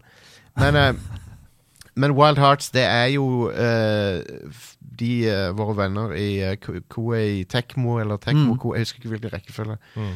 Men eh, de, de har da laga På samme måte som de ga ut Nio, som da er liksom Dark Souls-type Mm. ting, så er dette Monster Hunter det, på samme måten. På en måte. Mm. Du, du, du føler den derre Koei Tekmo-stilen inni det. Men det er jo litt kul strategi for et spillselskap òg, da. Å si sånn Hvilke spill er det vi elsker, vi som jobber her? Altså Ja. virkelig bruker masse tid på. Ja. Hvordan kan vi gjøre vår vri? La oss lage en enklere versjon av det. Ja, Eller Ja. bare sånn hva, hva, Hvis vi skulle lagd det spillet, hvordan hadde det blitt? Mm. Det høres jo litt sånn ut. Ja, for, uh, om Wild Hearts er gøy eller ikke, det, det, det, kan, det er sikkert kjempegøy, men det er vel uh, en enklere versjon av Monster Hunter. Ja, no- mindre crafting, mindre dilldall. Ja, noen ting har de forenkla. Um, de har òg lagt til en interessant ting som er sånn der, eh, byggefeature, som er litt sånn Fortnite-aktig. Konstruere ting ute i felten og sånn. Ja, okay. Å, ja. Sånn lage noen ramper så du kan hoppe fra og eh, Ja. Oi! Du, det er jo litt digg, da. Når Ja. du skal fighte svære monstre som du Mm. skal få tukt eh, på. Ja, men det er sånn eh, I Monster Hunter så er det litt gøy at du faktisk må bruke området. Det er sånn, okay, Ja, der, sånn, ok, der, Den eh, eh, dinosauren her må du komme deg liksom på toppen av. Ja. Mm. Vi, Eh, vi lokker den inn denne he, Yes. trange området her, så Yes. hopper vi ned fra toppen. Sånn. Kontra liksom bare sånn Ja, men da er det bare å bygge den rampen og hoppe opp på den, liksom. Ja, så det, og, og Wild Heart så har du på en måte Ja, der har du muligheten til å konstruere ting som, som kan hjelpe deg. Mm. Og du kan òg sette opp en sånn base med, med leirbål og masse sånne crafting features og sånn som, som du kan liksom bygge ut i felten. da Så det, det er litt interessant. De har gjort noen vrier på ting der. Uh, personlig så syns jeg at det det, det, det det føles ikke så bra å styre som Monster Hunter gjør. Det er et eller annet som er litt off med kontrollene i det. Men det er mulig fordi at jeg er så vant til Monster Hunter. det er vanskelig vanskelig å Ja. si. Mm. Men det er et eller annet som ikke Det føles ikke like bra, da, syns jeg. Mm. Det å få inn en sånn skikkelig blow med sverdet i Monster Hunter, det er så digg. Mm. Og liksom du kapper av halen på det monsteret, eller Og det gjelder mye sånn skjulte komboer og sånt. Uh. Absolutt. Um, og eh, så, så Wild Hearts, så langt det, Jeg, jeg syns det er veldig artig at noen andre lager et Monster Hunter-spill, da. Mm. Uh, men uh, om det er Det er kanskje ikke like bra som det Capcom gjør. Nei. Men Capcom, de er på en måte Jeg satt og tenkte på det her om dagen. Jeg tror Capcom er min favoritt sånn tredjeparts utgiver noensinne. Mm. For de har De siste årene har de jo vært på en sånn kjemperoll. sant? De lager bare kongeting. Men de har hele historien til Capcom er de, de, de, er, de har bare me- mestra alt de har prøvd på, omtrent. For en, for en spillutgiver de er. Mm. Jeg føler det er litt sånn under, underappreciated av og til hvor bra Capcom er. Jeg har bare alltid vært der. Ja, Men, eh, men ok, så men, for, uten å røpe anmeldelsen, ja. bør folk spille det? Teste det? Mm, jeg, Monster Hunter Rise kom nettopp på liksom, Xbox og PS5 og sånn. Ja. Så det er veldig vanskelig å anbefale Wild Hearts foran det. Ok. Ja. Ja, men det er bare et godt tips, det. Ja, Godt tips, det. Ja. Nei, men Så fint. Jeg har spilt uh, tre spill siden sist. Ja. Uh, jeg streama på torsdag denne uka, og jeg streama et uh, spill som heter Rhythm Doctor.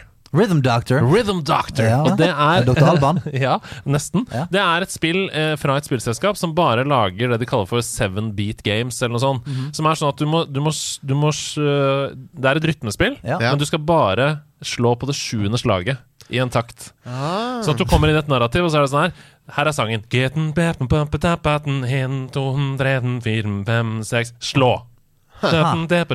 Jævlig nisjete. Ja. Det er Men, det mest, mest nisjete jeg har hørt. Det er et rytmespill, men du kan kun slå på syvende slag. men Ja. de, de kødder jo så de, de kødder så mye med uh, formatet. Plutselig så Så hopper det og sånn, ikke sant? Så du må telle én, to, tre inni hodet ditt Mm. hele tiden. Det er du som holder takten. De prøver å få deg til å falle ut av takten.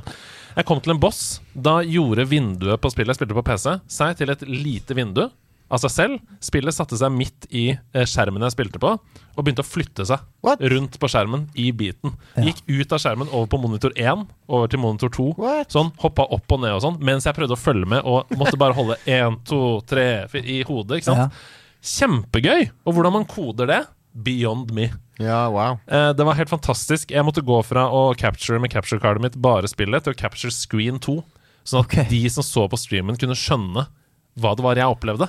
Shit. Fordi de så jo plutselig først bare Hæ, gameplay ser jo helt vanlig ut. Men så måtte jeg si sånn Nei, nei, nei, nei, nei. dette er helt sjukt. det er- Spillet er ute i stua Spillet her nå. forsvinner nå. Det går ned ut av skjermen. Det var kjempegøy. Er, er rytmedoktoren er han en ekte doktor, eller eh? Ja, Er han, Ja. er han licensed?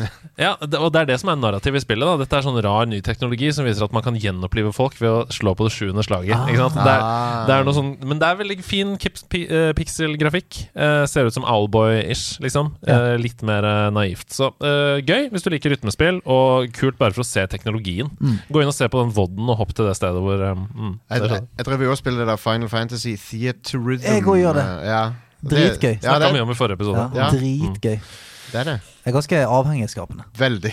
Jeg blir sittende en kveld med det Ja, en jeg, jeg, jeg, kan ikke starte det opp på kvelden. da, Så jeg har fått kode av Nintendo til et spill som jeg skal anmelde. Eh, Det kom litt fra sidelinja. Jeg visste ikke helt at det kom engang, og jeg har truffet meg eh, midt i hjertet. Yeah. Kirby's Return to Dreamland. Stemmer, ja. Deluxe. Nice. Og det er jo en nyutgivelse av det som kom til Wii i 2011. Kommet til Switch nå. Uh, vi eh, anmeldte jo Kirby and the Forgotten Land Ja. i fjor, som er jo en 3D-plattformer, uh, sånn som Super Mario 64. Dette her er en klassisk plattformer fra venstre mot høyre, og jeg elsker det. kult. Jeg elsker det. Eh, Jeg syns det er kjempe, kjempegøy. Det er nok for lett for folk som er veldig F.eks. For eksempel Super Mario World da, eh, er jo et vanskelig spill etter hvert. Eh, Kirby er ganske lett. Nå har jeg snart runda det, eh, og jeg har, aldri, jeg har liksom 20 liv, ekstraliv, og det er ikke noe. Eh, Men det morsomme med Kirby er jo at man kan i mye større grad enn Super Mario få helt ville abilities. Ja. Og i det spillet her så drar de det til 100, altså. Det er sånn, du Du, du er blitt en atombombe. ja, og så er det sånn du får eh, Ikke bare får du en atombombe, du får en superversjon av en atombombe på et tidspunkt. Som er sånn når du kommer til et sted, så sprenger du hele banen. Og da er det sånn Wow! En rift til en annen verden! Wow! Og så kommer du inn i den verden. Ja, det er masse sånn overskudd hele tiden. da Eh, masse minispill, masse måter å spille sammen med venner. Uh, du låser opp forskjellige abilities, uh, ekstra minigames. Det er et overskuddsprosjekt, rett og Så slett. ser jeg for meg Kirby som bare de detonerer en sånn rift og bare devastater alt. Og så bare ah, 'En ny verden!' Og så stikker han der, og så er det bare etterlater han seg bare ødemark. Ja, ja. sånn. Han er liksom en veldig søt Thanos. Ja. Eller- Eller bare sånn Hvem hadde trodd at løsningen på klimakrisa var Kirby? Ja. Han åpnet bare en rift til et nytt realm og reddet hele verden. Ja, ja. Um, og så, til slutt, så har jeg rett og slett, og dette er veldig veldig flaut å si, for jeg vet jo at dette har um, Jeg vet at dette har fantes, men jeg har på en måte ikke tatt inn over meg at jeg ikke har gjort det. Eh, jeg har tatt opp Elden Ring igjen. Ja. Jeg, jeg, jeg sjekka på eh, tid, tid spilt. Jeg har spilt 134 timer med Elden Ring, Det er mye. og det er et helt område jeg ikke har vært i. Ja. Og det hadde jeg glemt. Jeg Wow. runda jo spillet. Ble Elden Lord, satt på tronen, tenkte 'hei, for et deilig liv'. Skrudde av spillet, spilte det aldri igjen. ja. Og så bare 'å ja'. Hvis jeg har en left and right medaljong, så kan jeg activate denne heisen og komme til et helt hemmelig område. Ja, det. hvor det er masse ekstra bosser! Melania, for eksempel, som jeg ikke har tatt! Trump? Nei. Eh, som jo er visstnok, da eh, Altså, jeg har jo sett folk ta denne på, på Games of Quick og sånn, Ja. men er kjent som den vanskeligste bossen i spillet. Sant? Ja. Så nå har jeg 20 timer, da. 20 timer mer innhold. Kjempegøy. Skal utforske og kose meg. Jeg tok en dungeon i går som var dritfett. Nice. Jeg, jeg elsker det. Nice, Ja. nice. Det er mega, megagøy. Så det er det jeg har spilt i det siste. Fra Awesome. Kirby til The uh, Til- Lands Between. Ja. Jeg, jeg skal bare, en liten boble på slutten her. Ja. Altså, jeg, òg. jeg spilte, begynte å spille litt på eh, Mario Odyssey igjen, sammen med oh. kidsa i helgen. Oh, nice. Og det er jo sånn eh, altså, som jeg hele tiden sover på. Eh, Ja. så, for jeg var sånn Faen, så jævlig gøy det spillet der er. Ja. sånn, der òg igjen, hvis du ikke har spilt Super Mario Odyssey på Switch og liker Mario, så er det sånn You're in for a treat. Altså, det er et deilig spill. Er det noe jeg sier? jeg har alltid vært en Mario-mann fremfor Zelda. Oh. det, det er lov, det. Ja. Det må være lov. Jeg liker Zelda, men, men Mario er der hjertet mitt ligger. Mm. Nei, men det Super Mario Odyssey også et spill som aldri slutter. Du tror det er ferdig. Nei, det er masse mer innhold der. Ja. Uh, og så videre og så videre. Vi går videre Og videre, så blir det kanskje litt for mye. på slutten. Ja. Ha med, ha med dag, hey, hey. Ha med, ha med dag. Ha med ting etter ditt behag. For de ha med Da har du med deg fra Stavanger, en sviske eller en banger. Har du sibbe fra Sandnes, en krukke med majones. Har du tatt med deg både Kjartan Salvesen og en gammel Stavanger-kamerat fra menigheten? Hva har du med deg inn i studio? studio? Er det en gammel, gammel klosset av en do?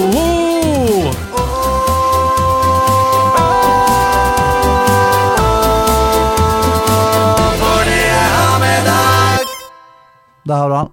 Da var Hei. han. Hei. Hva har du tatt med deg? For en eh, bra intro. Um, jeg har med meg en eh, Super, Oi! Super Nintendo cartridge av eh, Street Fighter 2. Spesifikt Street, Super Street Fighter 2 Turbo. Ja, oi, Ja, turboversjonen. Turbo Ja, men, uh, men Street Fighter 2, basically. Sant? We got a badass over here. Og jeg, jeg elsker Street Fighter. Um, og jeg har drevet tenkt mye på Street Fighter i det siste fordi sekseren er jo på vei. sant? Og jeg tror det spillet kommer til å ta verden med storm. Det ser helt fantastisk ut. Jeg, sp jeg spilte betaen litt. Grann, Mm. og Vi eh, skal snakke om det i nyhetsspalten, faktisk. Ja, konge. Og Street Fighter 2 var jo et av de der eh, spillene som Der du så liksom Ok, dette er det 16-bit-konsoller kan gjøre. Så, I forhold til 8-bit-konsoller. For det er store sprites som fyller skjermen. Sant? Masse liv i de, og, og, og i de animasjonene. De kan gi karakterene veldig mye sånn personlighet og sånn. Og Street Fighter For meg det er det Det, det er liksom uh, den uh, bestefaren til alle moderne slåssespill. Mm. Tror ikke det er kontroversielt å si det. Nei da. Og så uh, var det et av de der tingene som når, hver, hver gang jeg så jeg, Det var en, det var en um, sommer der vi var på ferie i UK, spesifikt som heter Jersey. Ja, ja, ja. ja.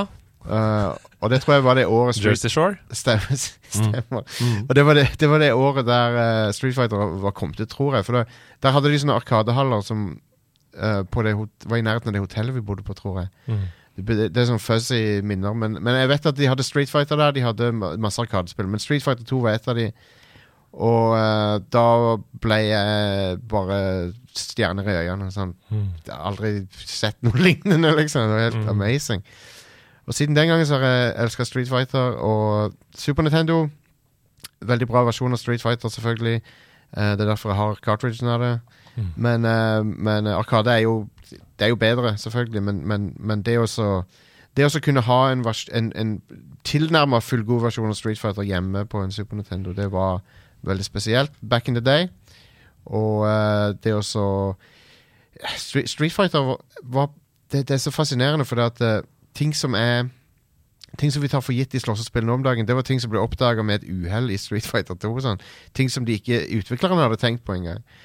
Eksempel det, også, det som kalles for cancelling. Som, som, eh, og det har ikke noe med cancel-kultur men det har med å gjøre med det at du, du begynner på en move, og mens den moven er i ferd med å bli executa, så inputter du neste move. Ja, ja. Og da avbrytes han, og så går du rett inn i den. Animasjonscancelling. altså. Ja, stemmer. Mm. Og det var noe som ikke utvikleren hadde tenkt på engang. Det var noe som folk oppdaga. Og så senere Nå er det innebygd i alle spill. Mm. Alt fra Tekken til Men Mortal Kombat. jeg syns jo at Street Fighter er sånn, det er en av de kuleste sånn e-sportscenene Ja. i verden, Mm, nesten. Altså, og, Mm. og det er en veldig sånn skjult eh, Altså i hvert fall eh, historisk sett veldig sånn skjult eh, e-sportscene. Altså hele slåssescenen. Det er så mye karakterer. Ja. Det er så mye ja, det, det er jævla mye opplegg i, på, den, uh, på den scenen der. Ja, Altså. det er litt sånn pro wrestling-stemning Ja, der. ja. Um, Vår uh, felles venn Veggie eh, Han sier jo at Street Fighter is a game of measuring distances. Det Det syns jeg er fantastisk. Ja. Uh, for det sier så mye om hvor sjukt gode de beste er. De, er, de er sykt bra. Det, det, det er den der uh, Du tenker at ah, ja, nå han ene sliter, han har liksom bare han har, han har et én centimeter HP igjen. Ja. Og så får han en åpning, og så to, to, ta, ta, ta, ta, ta, to, to, to, to, Så er de bare ferdig så jævlig. Det, det, det kan snu fort. Uh, det er jo et veldig berømt klipp fra 2004 eller noe, fra en av disse her eh, EVO-turneringene. Han som blokker den umulige komboen. Stemmer. Ja, er stemmer. Justin Wong mot Daigo. Og uh, Justin Wong prøver seg på en sånn en, eh, finish, finisher der. Men i Street Fighter 3 Third Strike så har du muligheten til, hvis du er veldig god, og så kan du parere alle ting som kommer mot deg, hvis du trykker mot uh, mot angrepet på akkurat riktig timing. Um, Ja, det er, sånn, det er input perfect. ja, det må være Ja. input perfect. Uh, og Chun-Li har en sånn finisher der hun liksom kommer med en hel haug med spark etter hverandre. Um, og i veldig rask suksesjon, da. Ja, og det er liksom oppe, midt, nede, Ja. overalt, liksom. Ja. Ja. Og han duden han tror, Justin Wong han tror han har den matchen fordi han fyren har ikke noe liv igjen. Og nå, nå tar jeg finisheren på han. Men så klarer han å liksom parere alle de der sparkene til Ja. Chun-Li, og så tar han hevn, og så vinner han. Ja, og det er sånn, når du ser det klippet Du, du, du bør faktisk sjekke det ut på YouTube, Ja. du som hører på, for det er sånn Det klikker ja. som at noen faen meg satt den liksom i krysset med hæl fra midtbanen Ja, i, ja. i, i, i VM. Det er den stemningen. som Ja. spillkultur! Folk Ja. ser en i kamera og er bare sånn Hva faen, hva skjedde nå?! altså, det er helt crazy stemning. Ja, Så jeg er veldig glad i Street Fighter. Street Fighter 2 var det som begynte alt. Det er derfor jeg, har, eh, jeg måtte ha en kopi av det hjemme. Um, om enn bare for affeksjonsverdien. Tusen takk Mm. for et nydelig lite minne eh, av spillhistorien. En liten bit av spillhistorien. Mm. Dette var deilig.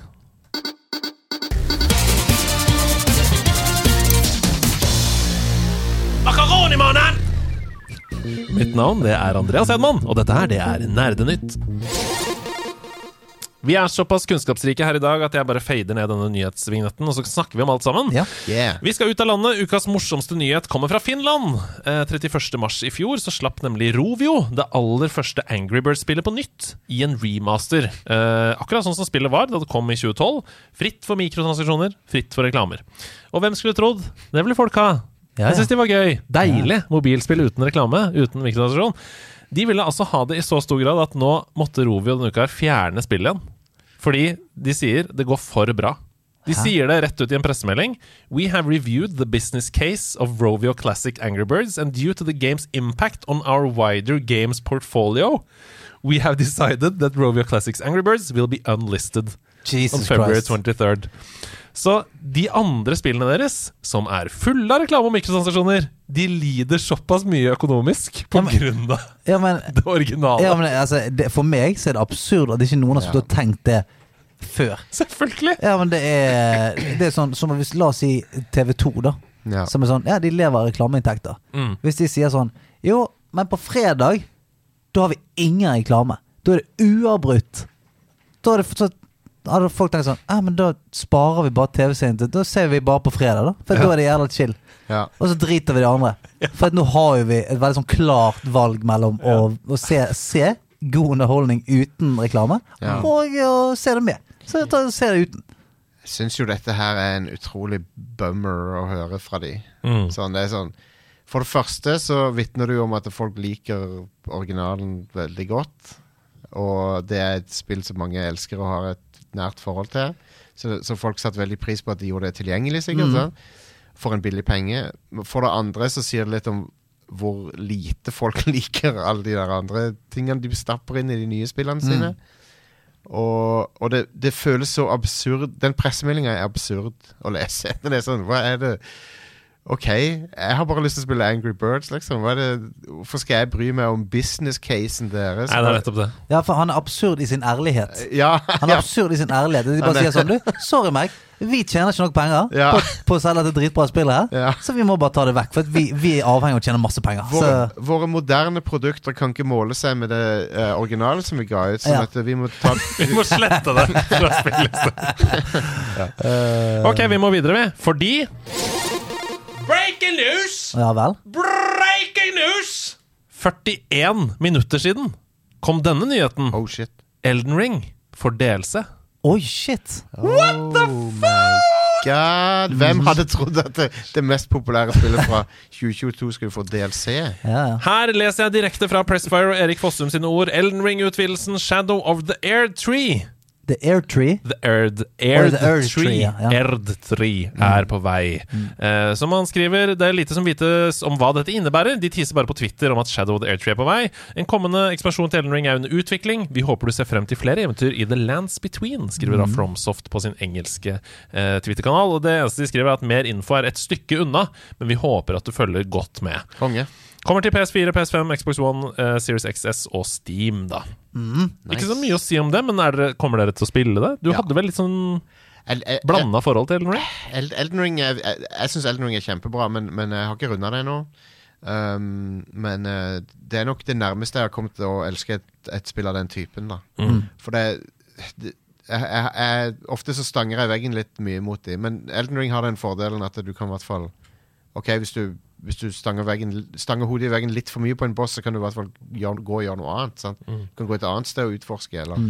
Kan gå ut av huset. Det kan du òg gjøre. Du kan, du kan ta på gress ute. uh. Ja. Nei, så må jeg bare si hjertelig tusen takk til Twitch-chat, som oppdaterte meg på dette Ja. uh, nå Veldig mens vi sitter her og spiller inn. Så takk bra. for det. Torsdag kveld så holdt PlayStation første State of Play-sendingen for 2023, og vi trodde at det var Suicide Squad Kill the Justice League som skulle være det vi først og fremst satt igjen med etter den. For det var veldig sånn Ja. Dette er det spillet. Men det var jaggu meg en hel haug med kommende spill for både PS5 og VR2 som stjal overskriftene for vår del. Masse kult der. Vi har bare valgt ut noen av de mest nyskapende og det som ga oss mest hype, da. Og først ut The Foglands, som er et Rogue Light skytespill for PlayStation VR2. Der hvor du tar valg, du oppgraderer underveis, så spiller du så langt du kommer før du tar med deg Du dør, da, og så tar du med deg noen upgrades og XP inn i et nytt run. God gamle. God Ja. gamle. Eh, det ser veldig kult ut, men jeg har et spørsmål til dere. Hva syns dere generelt om skytespill i VR?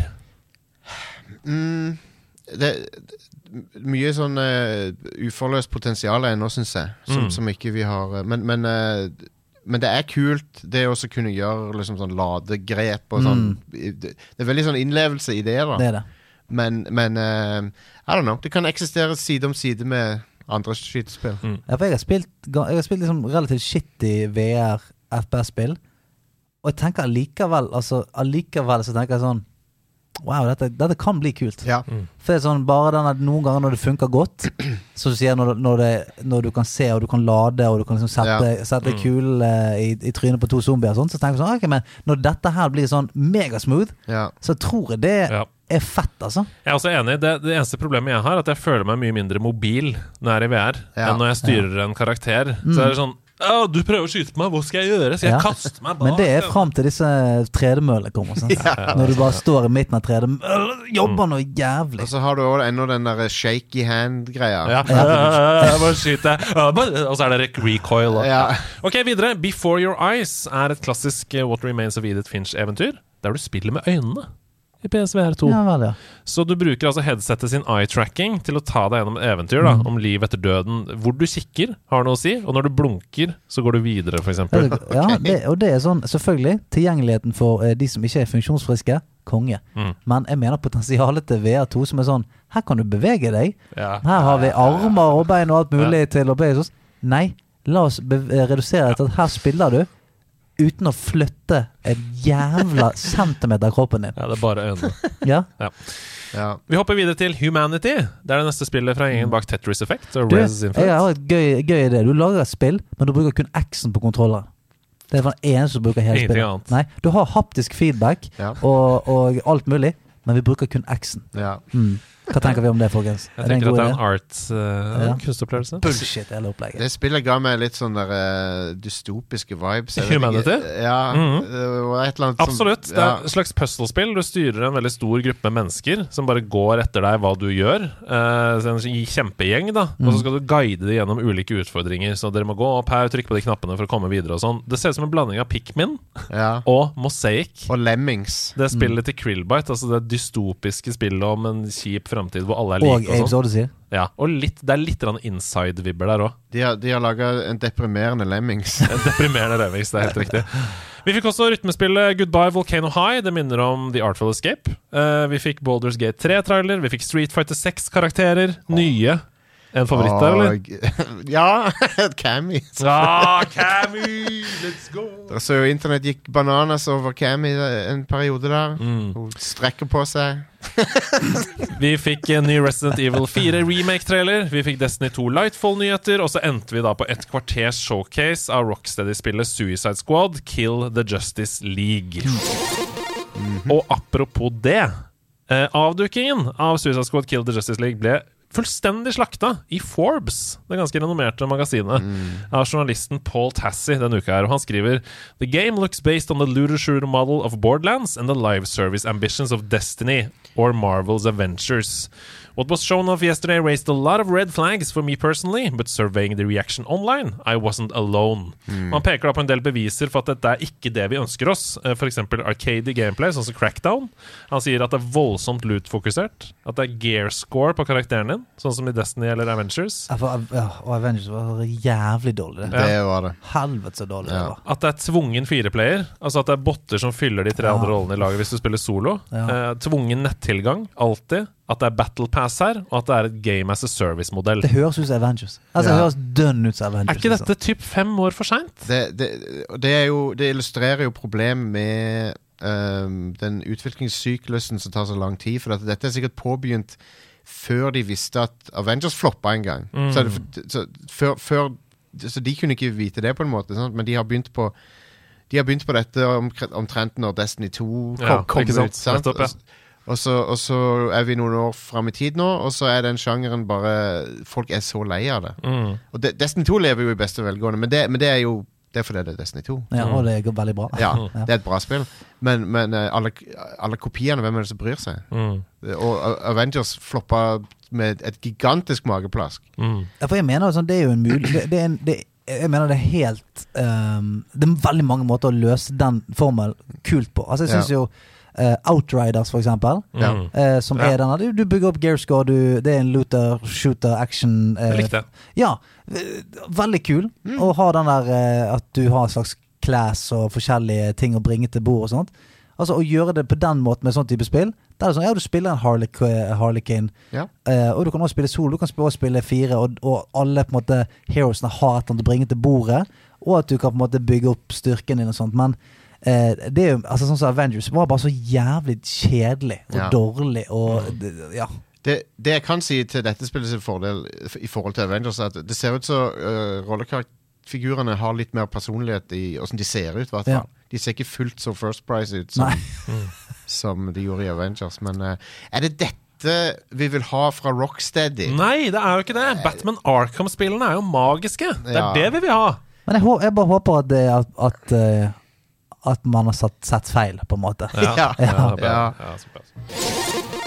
Vi tar også med at Toru Okada, mannen bak en av PlayStations mest kjente lydsnutter, er død. Eh, Okada skapte lyden som dukker opp sammen med PlayStation-logoen. Og Han var da 73 år gammel da han gikk bort som følge av hjertesvikt den 14.2. Mm. Februar. Eh, og Her tenkte jeg at vi kunne høre en liten samling av den lyden og utviklingen gjennom tidene. PlayStation. PlayStation. Mm, PlayStation. プレイステーション PSP プレイステーションポータブル Portable. プレイステーションポータブル Så eh, den lyden der kung, Det var altså Toru Okada som skapte. En ikonisk lyd. En konisk lyd, absolutt. Ja. Lurer lurer på hvor mye penger han fikk, fikk for den lyden. Ja, det tror jeg ikke. For det er bare noe sånn du Rip-offero! Rip-offer? Rip-offero. Jeg tror ikke han har fått eh, verdien i markedsverdi, i hvert fall. Nei. Tror jeg ikke. Nei, hva er markedsverdien på for eh, ett sekund? Milliarder! Bong! Hva, hva, hva, hva er markedsverdien for bong? Hva er markedsverdien for den dørelyden? Den er høy, ja. Ja. ja. Den der Roblox UF-lyden har jo Ja. vært, eh, en sam har det vært en samtale om siste siste månedene. Halvannen time nydelig essay på YouTube Ja, om den- bare den lyden. den er bra. Ok, men anyways, eh, vi skal til været. Den nye store Destiny 2-utgivelsen Lightfall kommer i dag, tirsdag 28. mars. Eh, er det noen av dere som skal på det toget igjen, eller?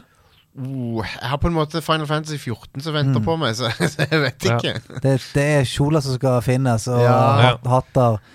Eh, men Destiny 2 Det er sånn et spill som jeg alltid skulle ønske jeg hadde Altså at noen, av mine, at noen av mine gode venner spilte det. Ja.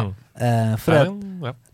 ja, men, ja, men det er sånn det, det er alltid noen som spiller det litt av og på hele tiden. Ja. Mm. Men det virker som et veldig gøy spill å spille hvis man har sånn Ok, man er en gjeng på tre stykker som bare prøver å pushe høyt i de fireteamsene og, mm, ja. og, og, og, og gjøre det litt kult. Da, for det ender opp med at spiller meg gjennom uh, expansion, kommer til som gjør noen av de dungeonsene, Ja. og når det begynner å bli vanskelig, så gidder jeg ikke mer. For Nei. da må du liksom legge inn så jævlig med innsats, og da Der er vi, der er vi like. Mm. Og et, et annet problem er når du har hatt pause fra Destiny 2 en stund, og så logger du på, og så er notificationene De lyser opp som et juletre. Det er bare sånn Å, det er så mye å gjøre, liksom. Ja. Hvor skal jeg begynne? Ja.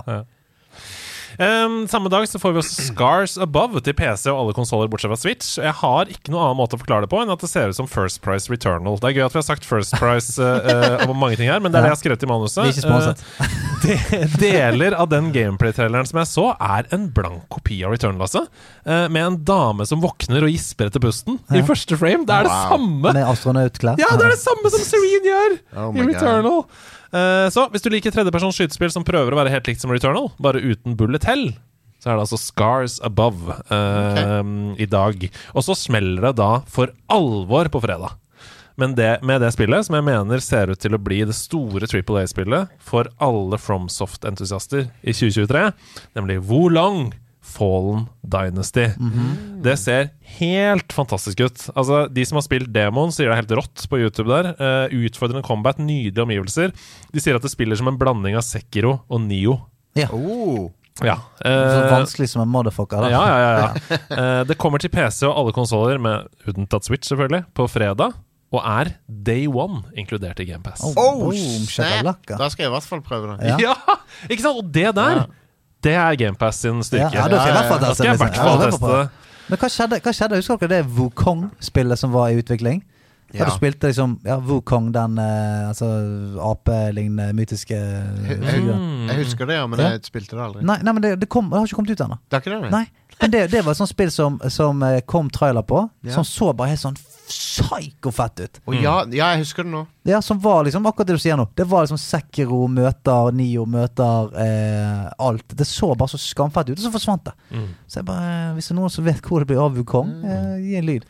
Alle FromSoft-fantaster, uh, Wulong, Fallen Dynasty, kom på fredag, inkludert i Campass. Makaori, mannen! Mitt navn er Andreas Hedemann, og dette her, det var Nerdenytt. Stemmer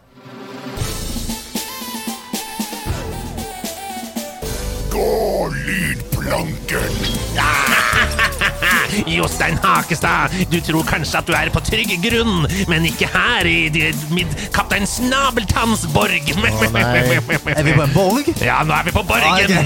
Og dere skal gå ut på hver deres lydplanke! Ja. Ut fra borggården og over vollgraven som ligger der nede. Så det er et potensielt dødelig hopp i dag, da. Ja, det er klart. Her i, ja, her i, her i Går lydplanken så Ja. blir dere utsatt for eh, en rekke um, problemer.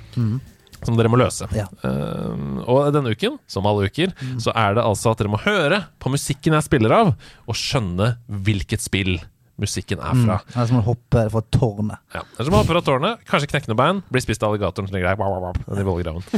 um, rop navnet deres når dere skjønner hvilket spill vi skal fra. Så okay. kommer det et oppfølgingsspørsmål etterpå. Det er også en fellesnevner mellom disse spillene som kan gi deg poeng på slutten. Men okay. først og fremst, hvilket spill hører vi lyden fra her?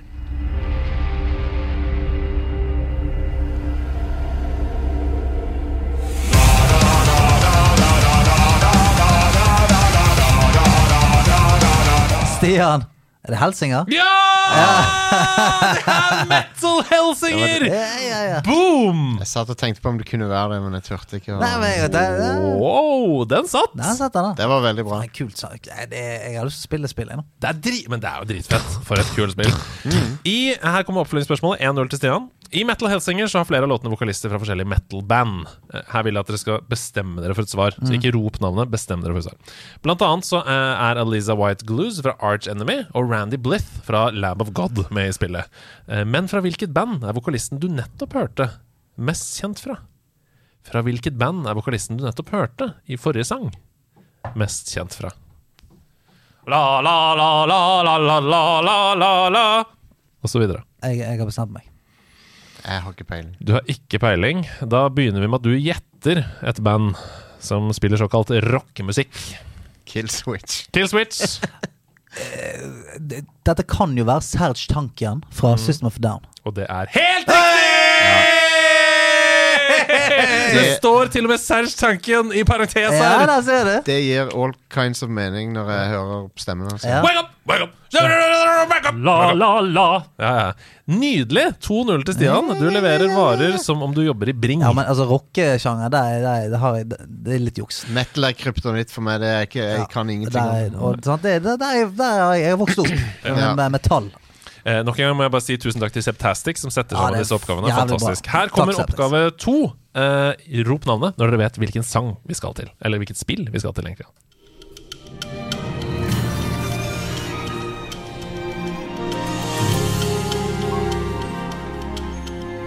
Stian, eh, Pokémon Arceus. Nei, denne her er vanskelig. Eh, jeg kan si såpass mye som at jeg har intervjuet skaperen av dette spillet på Spillprisen tidligere år. Det er et norskt spill.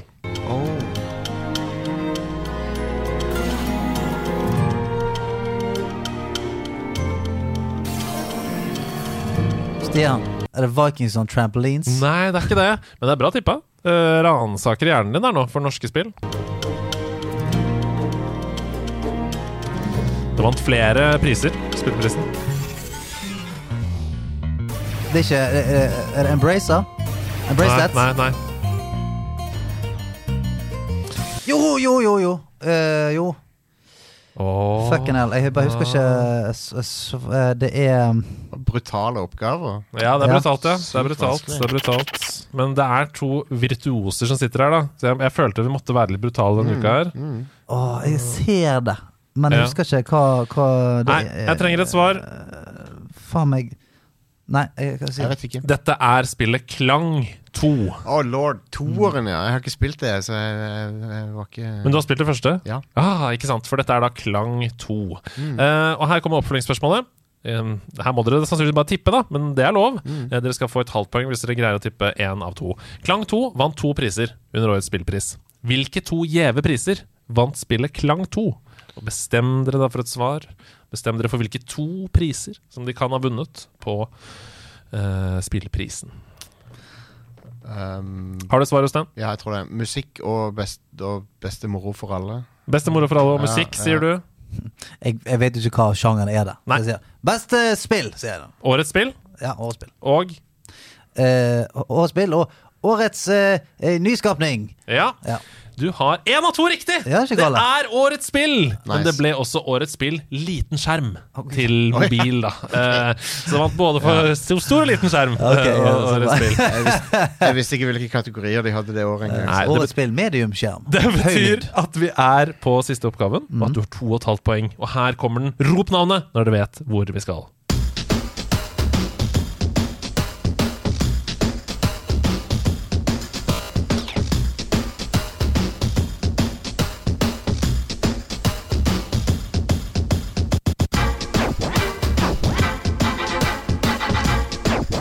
Oh, shit!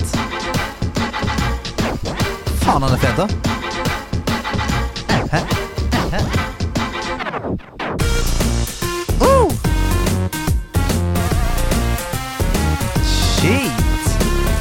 Ja.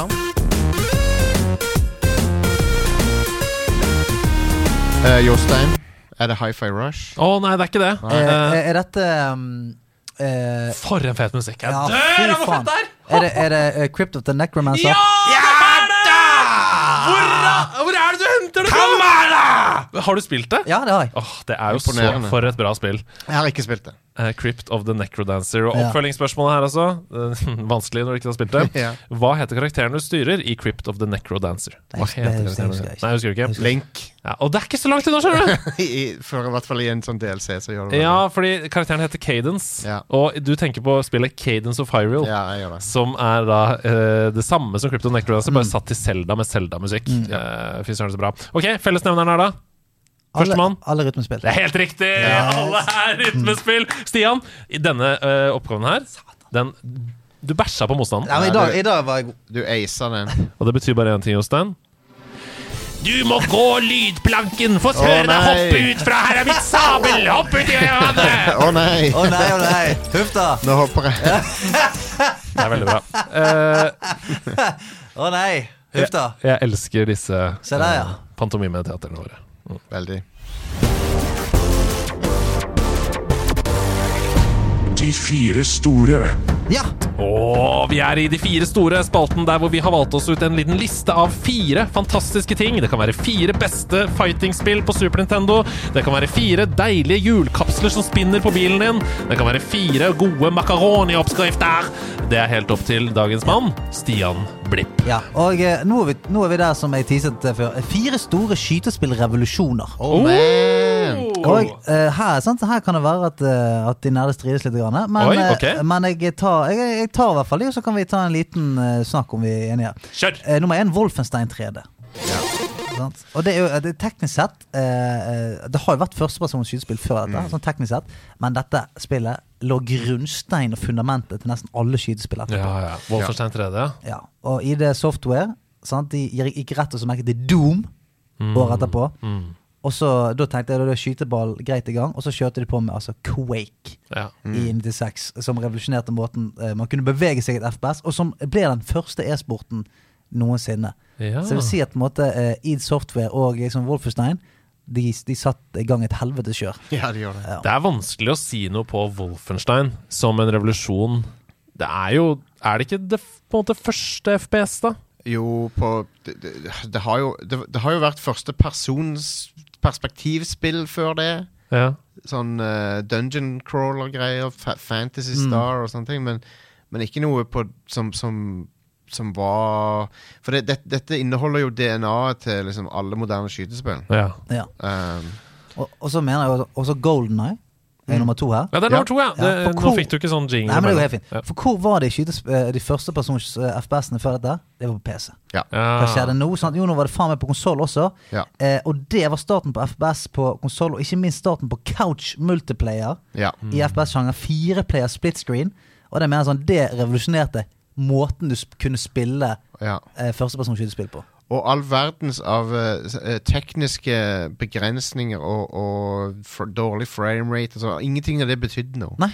For det var så gøy å sitte og spille med, og se på et frimerkesstørrelse bilde, liksom. Ja, ja, fire på samme ja, CRT-TV. Altså, og den, det frimerket føltes som at det var mer enn stort nok. Ja, absolutt, Jeg, så alt, jeg så alt jeg dreide. Jeg syns du er veldig sterk her hittil. Jeg, jeg okay, føler meg ja. dratt godt gjennom historien. Åh, jeg får, jeg, dette elsker jeg. Ja, for det, så jeg prøvde å finne sånn, hva var det som på en måte satt liksom noe helt nytt i gang. Liksom, ja, merker i spillet. Ja, og det her jeg måtte velge, for her, måtte, her satt, sto jeg mellom Halo Combat Evolved og det som jeg har valgt. For jeg valgte altså Call of Duty 4 Modern Warfare.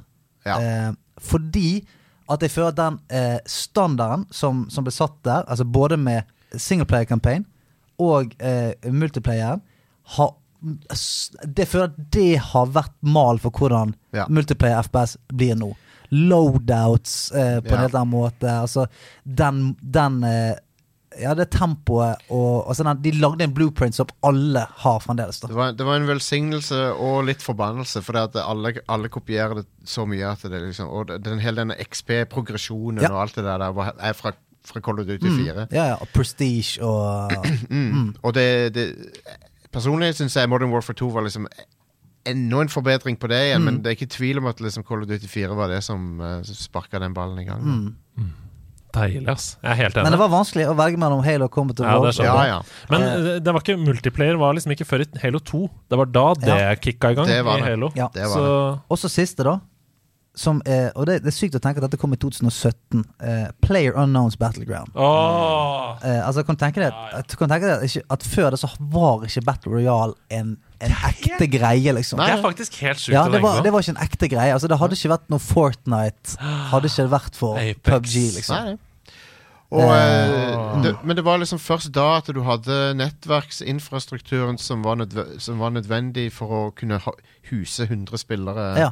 Så liksom, alle hadde bredbånd, alle hadde liksom god nok latency og sånn. Så, For, for jeg bare husker sånn, Vi spilte det der tidlig tidlig Early Access, mm, og var sånn Å ja, men dette var liksom en artig måte å mm. Sant, 100 ned her, og om vi har overlevd. Faen, kul, kul game mode, liksom. Ja. Men det er jo et uh, klassisk eksempel på at uh, de som finner opp noe, ofte blir overskygga av de som kommer etterpå og gjør noe litt mer, bedre. Så, Altså så, Nå er sånn PubG fremdeles et, et, et bra spill, Mm. men altså kan jo ikke fucke med Sånn som Fortnite holdt på med. Ja. Warzone. ja. Eh, altså Alle har jo bare sånn som du sier. De har bare Ja. sagt sånn Å, kul, kul tech. Vi Ja. låner den, og så har vi billionervis av dollars. Stemmer. Dette mener jeg var en utrolig god liste. En, en, det er nesten ikke mulig å utfordre den. Her har du, her har du gjort en solid jobb. Nei, det er jo godt å høre. Enig. Veldig, Godt å høre. Well, actually, surely what you're saying is a balderdash of ox's feces, sausage tissue, urine talk. On, on the contrary, no, no, no, no. I beg to differ! De nerde strides. Ja, gjør de det? Ja, Jostein. Yes. Hva har du, Altså nå, Du har mye erfaring med å snakke om spill. Mm. Jeg regner med at du klarer å brenne ned dette studioet med din kontroversielle mening uten problemer. Ok, så jeg ser eh, Jeg ser mye prat om eh, når, når eh, et spill kommer ut på sosiale medier og sånn, så ser jeg ofte sånn Å, det er bare fem timer langt. Å, det er bare seks timer langt. Um, og, så, og så blir jeg litt irritert, for at det, jeg, Vi må gå vekk ifra det og så uh, assosiere spillengde med kvalitet, syns jeg. That's what she said. ja. For det jeg, jeg, jeg, beklager. jeg beklager. Er Jeg beklager. Det, er, det er Stian, 14 år her. Det var, ikke meningen. Ja, men yes, kjør. Nei, så det, det, bare irriterer meg når folk er sånn der Å ja, det er, det er bare ti timer langt. Mm. Eller det er bare så og så langt, liksom. Så, jeg, hvis, hvis det er en bra opplevelse, så, så spiller det ikke noen rolle. Jeg, jeg, jeg har betalt 600 kroner for noe jeg, for ting, spill jeg hater. Jeg har betalt 600 kroner for spill jeg har elska. Mm. noen av de har vært lange, noen av de har vært korte.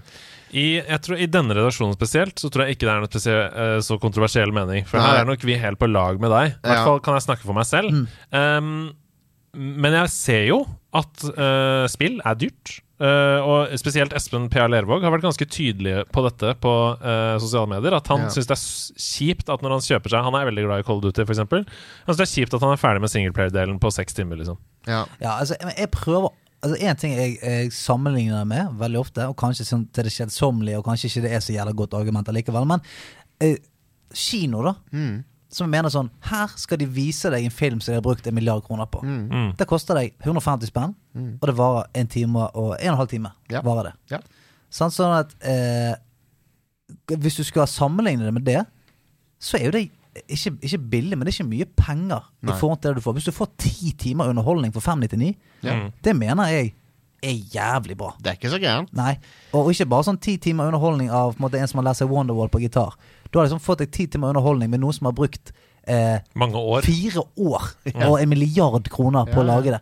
Det får du for 599. Og så og så kanskje det Hvis det er et veldig bra spill, så, så henger det med deg. Så, du- det er en opplevelse som du tar med deg videre. Ja. Og, og, og så, er du, så er du blitt en Du er blitt en opplevelse rikere. Du, kanskje, du har kanskje liksom blitt Føler deg litt rikere som person òg, for det, liksom har Det var en verdifull opplevelse. Mm. Mm. Og du kan sitte sånn som vi sitter i denne episoden, og bare male bilder av da vi spilte på, på loft og det, Ja. det er ting som er med deg for alltid. Mm. Ja.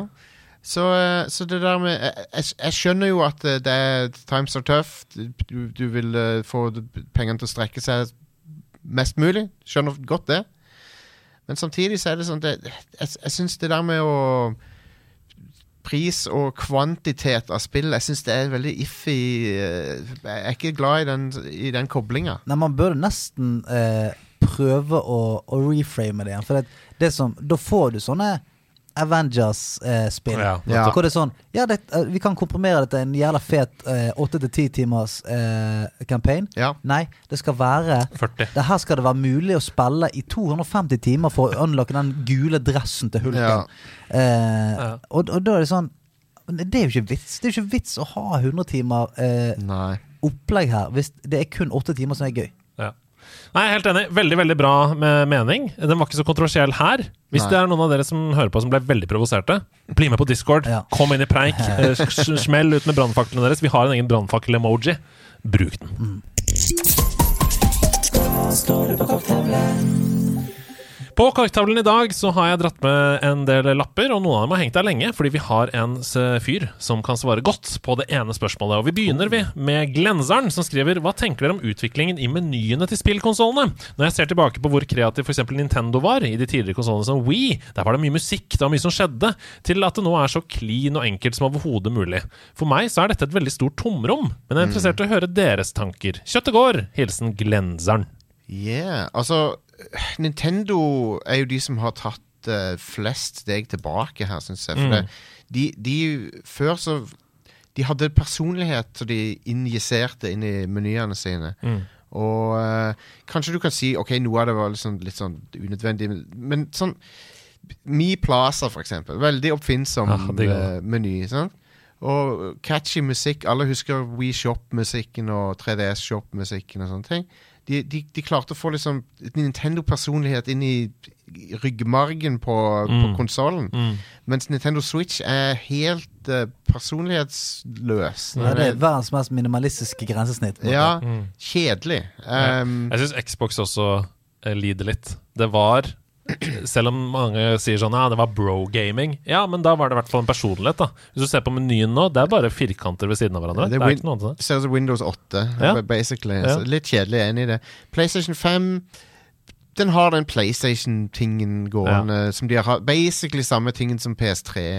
Ikke gjort så mye endringer. Ja, Bortsett fra at der var det vertikalt. da Sånn at når du gikk bortover, Ja. så kom du til et ikon, og så gikk du ned eller opp. Det er det føltes som en sånn Ja, jeg vet ikke. Litt personlighet. Men det, det, det liker med PlayStation, det kan være at dette her er til Xbox også, men ikke, det vet jeg ikke. Men jeg liker eh, Hvis man er litt sånn nær, ekstra nerdete, så kan du customize den menyen din ganske mye. Det kan du. På PlayStation så jeg, jeg eh, hadde en periode sånn, en God of War-UI, på en måte der du har et slags bevegelig bakgrunnsbilde med, med Kratos eh, på denne hele Mm, kajakken. mm. Og, og med God of War-musikken, og at måte, ikonene Ja, er, er byttet ut med det sånn mer runisk. Ja. ting og sånt. Du kan fortsatt det, ja, ja, ja. ja. ja ok. Men ja. eh, UX-design har jo gått de siste ti årene bare i retning mi mindre og mindre. Personlighet, ja. Ja, og Mm. mer og mer eh, liksom, Minimalisme har tatt over fullstendig. Sant? Mm.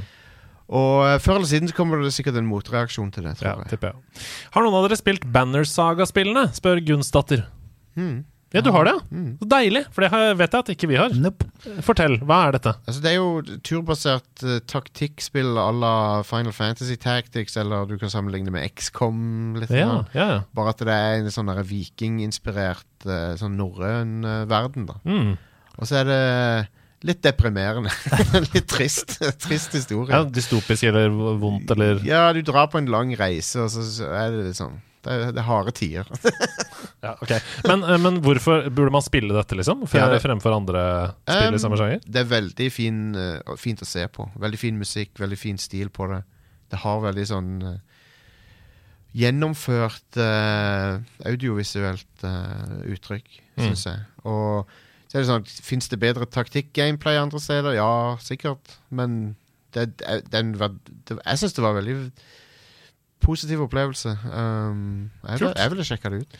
Du kan bare fortsette å snakke, for her kommer spørsmålet jeg refererte til i stad. Eh, Og her kan du slenge deg på, Stian. Hvilke spill har best eller vennligst community rundt seg? Spør Hagen. Vel, nå er det jo et spill som har vunnet pris for det, som heter Final Fantasy 14 Online. Ah, ja! Det var dit jeg ville. Er, som er Det er jo et sånt meme som går der, der eh, Når Ok, så det, meme er at eh, Enten så bouncer du av Final Fantasy 14 i, i de første timene, eller så blir du en vandrende reklameplakat for spillet. Ja. Og jeg har dessverre blitt det sistnevnte. For det er sånn, jeg bruker alle sjanser til å evangelisere om Final Fantasy 14. Men har ikke du også opplevd dette? At Jo, jo. det er så utrolig Jo, jo. vennlig community? Ja. Og jeg har spilt World of Warcraft i 15 år. Ja. Eh, og så levlet jeg på en måte opp en eh, samurai. ja. Yep. Og da var det akkurat sånn samme greie. Jeg, jeg ble sånn sjokkert over hvor jævla tjom folk er. Ja. For jeg, jeg, var, altså, jeg skjønte med en gang at jeg spilte i dungeon med folk som var sånn Dette er, dette er 17. jobben deres, liksom. De, Ja, ja, de er bare inne her for å hente Og jeg sier du, sorry, jeg, jeg aner ikke hva jeg holder på med. Å ja, ok, men bare okay, stopp ti sekunder, folkens. Ok, Det som er greien her, er at sånn og sånn og Du må bare si fra, liksom. Ja, ja. Eh, hvis, for jeg har, jeg har spilt samurai i to år, så jeg kan når vi er ferdig her, så bare ligg meg til, så kan jeg hjelpe deg. Så jeg var sånn Hva faen som skjer her? Er det, er det en fyr som prøver å catfishe meg, eller? Hva er det, hva er det som skjer? Det er akkurat sånn som du beskriver. Og en annen ting er jo at hvis du, hvis du ser at det er noen newbies i en dungeon, så, ser, så har de sånne film, Ja. filmikon som ser at de ser på en cutscene. Ja, ja. Det er alle andre sånn Å, la de se ferdig cutscene. Ja. For vi ikke begynner ennå. De må få se cutscene Det er så koselig! Ja, ja men det, det er helt merkelig. For sånn eh, hvis, du er, hvis du spiller eh, World of Warcraft, da og det er noen som ikke skipper den cinematicen, Ja. så klikker det for trynet ja. men, jeg, Det klikker for trynet til folk. Altså Ja. det er sånn Fuckings Fucking skip! ja. I all Ja, ja. chats der. Ja. Ja, det er bare sånn Who's this, who's this fucking idiot who's watching the story unfold? Ja. Nei, men Det er deilig. Jeg syns det var godt svar. Jeg. Mm. Eh, vi drar med oss et eh, par på slutten her. Mr. Matty Pat spør hvilket spill trodde dere skulle være terningkast 3-ish, men overraska dere positivt? Og mens dere tenker, så kan jeg si hva jeg har tenkt på forhånd, og det er Hot Wheels Unleashed. Mhm. Hot Wheels Unleashed kom til PlayStation 5, PlayStation 4 osv., og, så og jeg har aldri hatt noe sånn særlig forhold til Hot Wheels annet enn i de faktiske figurene av de små bilene som jeg lekte med da jeg var kid.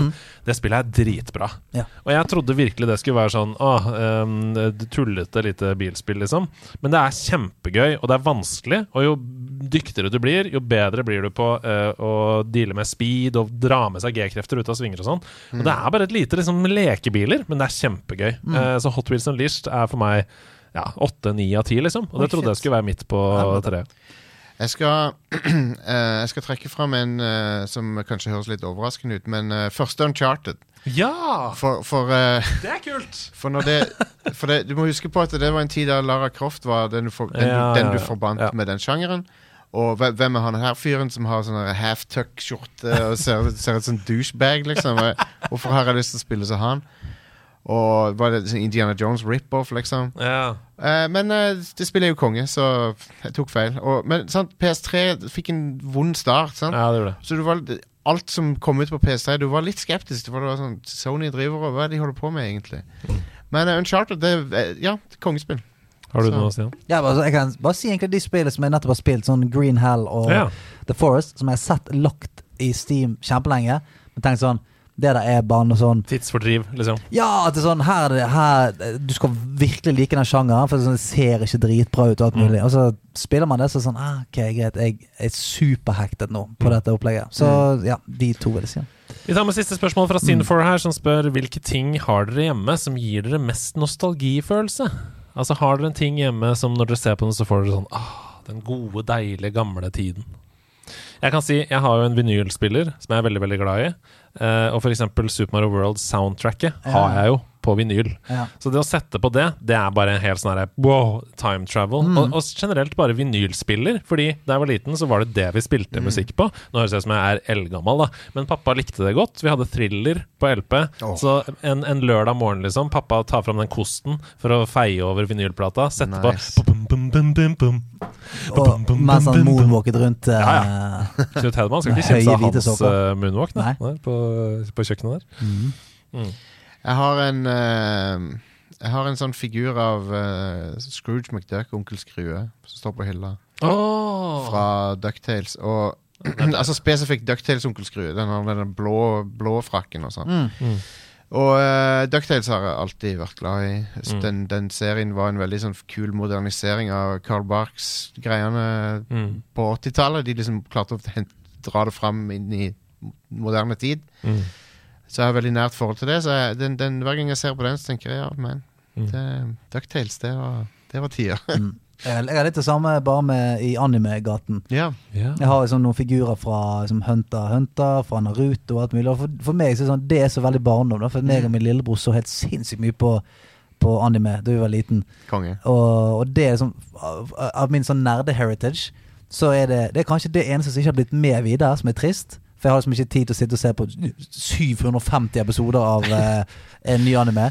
Eh, som det ofte er. Men eh, det, det er alltid sånn godt minne av sånn eh, Av barndom.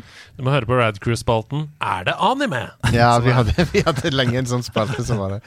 Jeg så, jeg så nettopp Makros-filmen fra 1984. Eller noe Oh, sånt. Den var, den var interessant. Interessant historisk artefakt, vil jeg si. Ja. Fantastisk. Tusen takk for det. Vi skal inn i kveldens siste spalte, og det er ikke til å komme fra. Vi må ned i Tokyos underverden.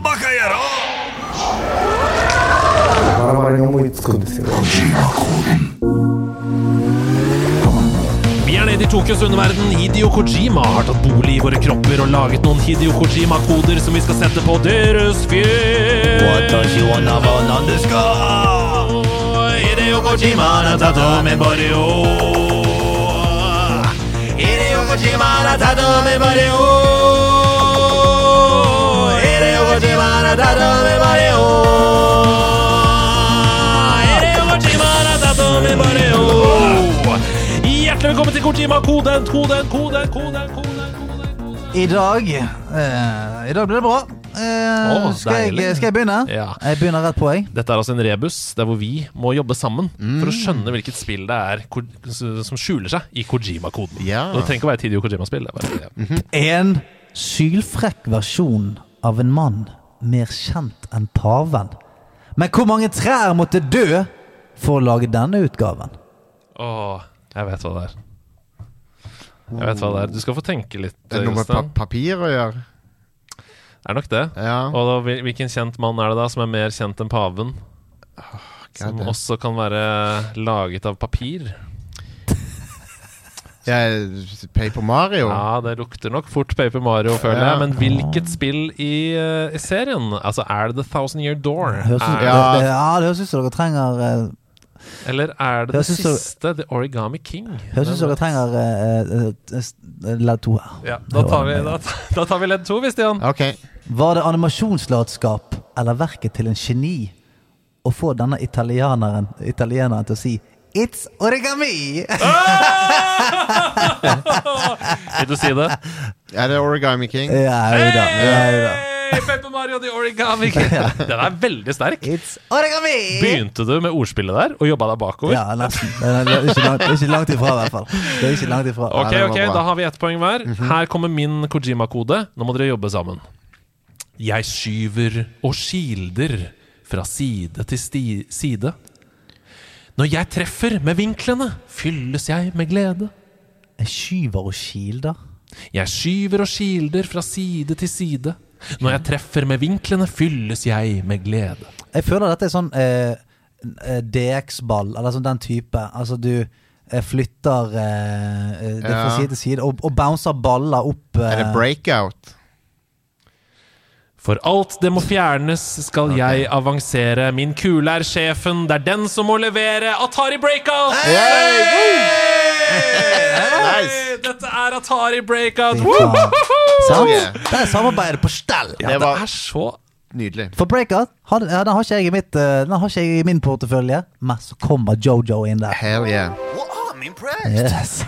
Det er rett og slett knallsterkt. Og akkurat sånn Kojima-koden skal løses. Dere slo hodene sammen og utfylte hverandres kunnskap. Det er vi gjorde. Og med? Altså, det var, det var uh, forbilledlig, var det. Med det har vi kommet til veis ende av denne episoden, Stian. Ja, den har gått så fort, den. Altså, det var godt over to timer. Uh, og, hvor jeg, vi måtte skynde oss i midten her, kjente jeg. Ja, Eh, og, eh, og vi kunne sittet her i tre timer til. Ja, ja, ja. Altså, før vi bare varmet opp. Ja, ja. Helt men, enig. men det betyr bare at du skal tilbake igjen. Eh, En- fort som faen. Anytime. Ja.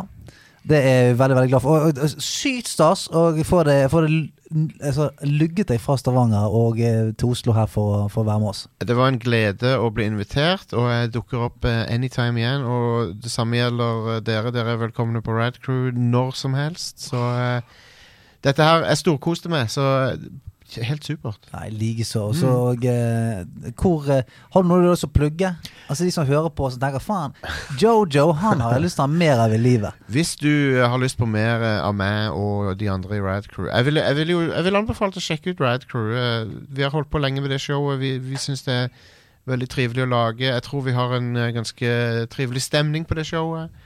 Veldig nerdete er det selvfølgelig. Men hvis du hører på Nordlandslaget, så er sjansen stor for at du For dette kan også falle at, ja. så, så ja, du finner det der du finner podcaster. eh, alle mulige plattformer. Spotify, Apple og alt det der. der. Så sjekk ut Radcrew. Ta Gjør det. Gjør, gjør onkel Jostein en, en tjeneste. Så. Er god? Eh, Ja. Tusen, tusen takk. Og eh, igjen, da, tusen takk til alle som hører på. Og jeg, jeg kommer til å minne dere på det til dere blir drita lei, men hvis dere ikke har kommet dere inn på discorden vår eh, enda, som er altså disco.gg slash nerdelandslaget, eh, så, så, så må du gjøre det. Eh, og, altså, jeg, jeg kan ikke finne liksom, på en grunn i verden til at du ikke skal gjøre det hvis du liker eh, altså, noe av det som du hører på denne podkasten her, så er den discorden for deg 100% Så sjekk den ut. Og eh, hvis eh, du er en av de som hører på denne podkasten her, som aldri har reviewet den eller gitt noen stjerner noe sted, eh, bruk tre sekunder på å gjøre det, da, hvis du har lyst til det. Eh, og, og gi den ting altså, Gi den stjernen du ønsker. Om det er tre stjerner, så er det tre stjerner. Er det fem stjerner, så er det fem stjerner. Det er bare da Kanskje blir flere nerder. Eh, kanskje får flere nerder se at eh, denne podkasten finnes, og at dette community finnes. Og det trenger vi! Da er sagt mitt. Ha det bra! Husk å joine oss på lørdag i Twitch.tv Nederlandslaget. Ti timer toxic, det blir gøy. Ha det! Hei!